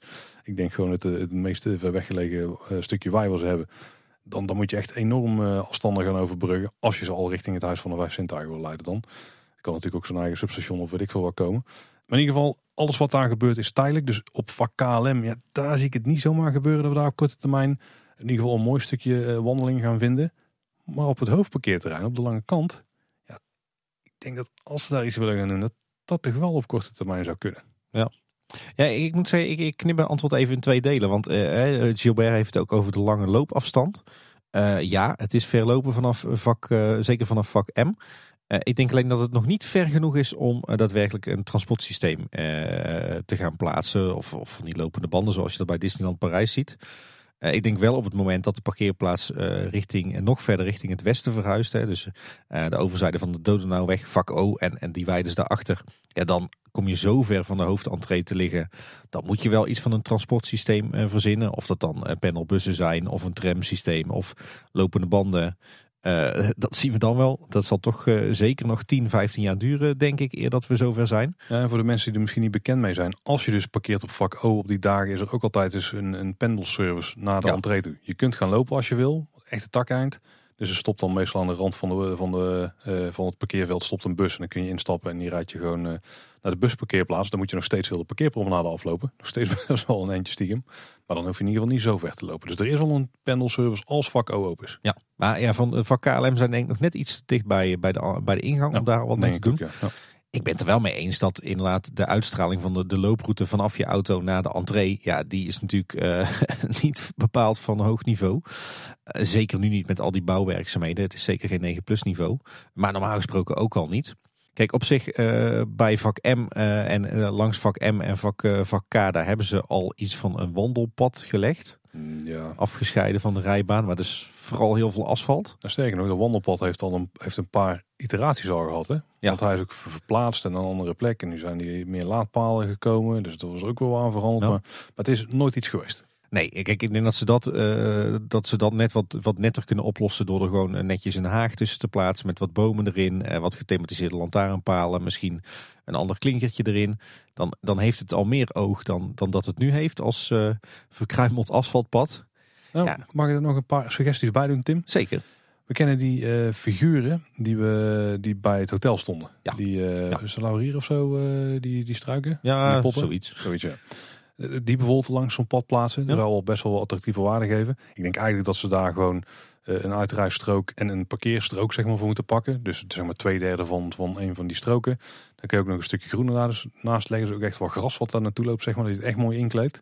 En dan loop je ook wel meer beschut onder die bomen. Ik denk dat zeg maar, jouw voorstel iets meer groen er nog omheen. Ja. Misschien af en toe een slinger in het pad, dat het niet eh, per se een recht, recht toe recht aanlijn is. Eh, en een paar van die figuren bijvoorbeeld in het groen erbij zetten. Ik denk nee, dan een hele chique loop het in ieder geval over het stuk uh, lange kant wat je dan moet afleggen. Oh ja, ja ik had het eigenlijk nog over, uh, over vak KLM, over de looproute daar. KLM? Ja, ja, ja. Oh ja, nee, dat zou zeker chic zijn. maar, maar dat is dus een investering die ik ze niet zomaar zie doen nu. Nou, ik denk dat je met, met wat simpele middelen dat je het al iets netter kunt maken. Maar inderdaad, kijk, er moet gewoon een fatsoenlijke looproute komen vanaf de Kinkerpolder over het, het hoofdparkeerterrein naar de entree. Kijk, nu word je gewoon ja, tussen de rijdende auto's doorgeleid. Ja, ja, ja. dus het, het, het, ziet er natuurlijk totaal niet uit. Ik denk inderdaad dat je uh, echt gewoon een volwaardige uh, wandelroute, annex promenade moet maken uh, in een van die, van die parkeerstroken. Op die manier die jij al beschrijft. Inderdaad, gewoon wat groen, een andere verharding en uh, gethematiseerd lantaarnpaaltje. Dat is stukken netter dan wat het nu is. En er zit nog een deel aan zijn vraag en dat is het uitrijden. Want dat klopt als jij, nou het klopt deels, maar als je vanuit KLM komt, dan moet je sowieso een end rijden. Alleen wordt nu ook tussen die rijen doorgestuurd, zodat je weer uitkomt op de, ja, de uitrijstroken die strak langs de parkeerpromenade liggen. Dat is niet ideaal, ook omdat je dan continu het links in het verkeer hebt van uh, de, iedereen die eigenlijk zijn rijstrook uitkomt. Waarbij het ook zo is dat hoe dichter je bij de uitgang zit, hoe lastiger het is om er nog tussen te komen. Want iedereen die voor jou op die strook is gaan rijden, die komt al half gefrustreerd uit zijn rijtje. Om daar ook tussen te kunnen komen. Dus eigenlijk net de krap daar, zeg maar, om die bocht te kunnen maken. Zonder dat je zeker, uh, zeker van bent dat je niet bij, de, uh, bij het aankomend verkeer uh, naar binnen rijdt. Wat, wat ze daar misschien ook zouden kunnen doen, ik kan me niet voorstellen als ze het nooit hebben uitgezocht, maar is misschien de inrijstroken omdraaien. Maar dat doen ze toch ook al? Ik heb het nog niet vaak gezien. Dus je kan inderdaad, je kan de KLM gewoon laten uitrijden over de, de inrijstrook. Ik kan me niet herinneren dat ik dat ooit heb meegemaakt. Dat gebeurt zo af en toe wel eens. Ja.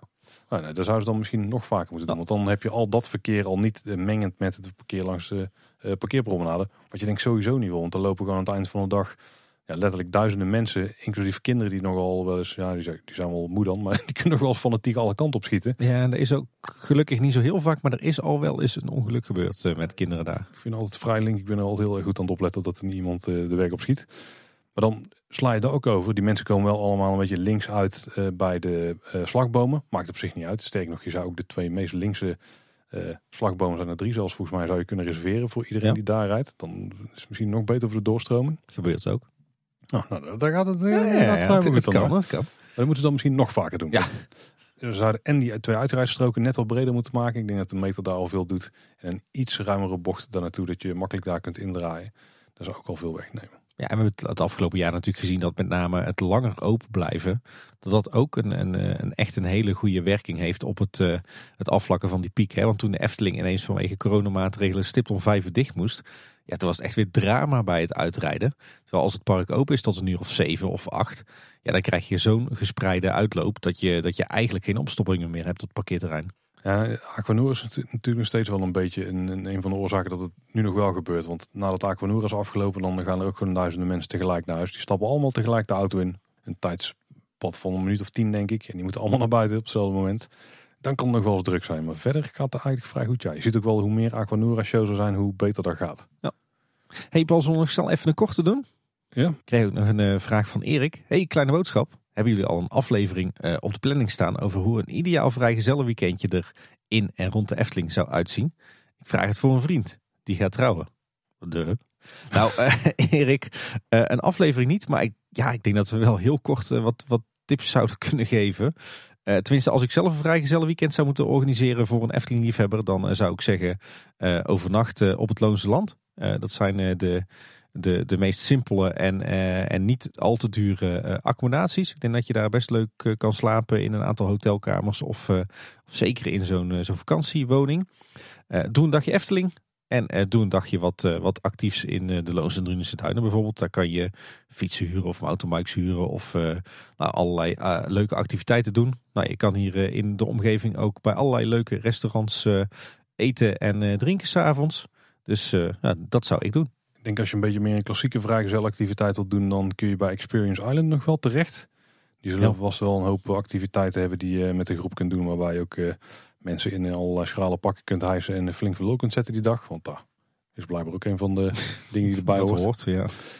Eh, en misschien qua eten is, ja, je moet gewoon dan, het ligt aan het, aan het gezelschap, maar misschien vlees eten bij eh, grillig of zo. Zat ik ook aan te denken, ja. Grillig. Ja, en als je iets serieuzer bent en je wilt gewoon goed eten en eh, daarna ook nog wat borrelen, dan eh, denk ik dat ik eh, Grand Café du Nord zou eh, aanraden. Nou, hier. Dus ja, nou, er zijn mogelijkheden in de buurt, zeker. Kort maar krachtig. En wil je nog veel meer uittips hier in de omgeving, dan kan ik alleen maar zeggen, blijf onze podcast eh, volgen de komende weken. Ja, misschien nog één extra tip. Als je ergens gewoon wil gaan stappen, dan is Tilburg uiteraard een goede optie. Stappen, wat is dat ook alweer? Ja, dat deden we vroeger, Tim, toen we nog geen baard hadden. Eh, ja, in ieder geval niet. Ja.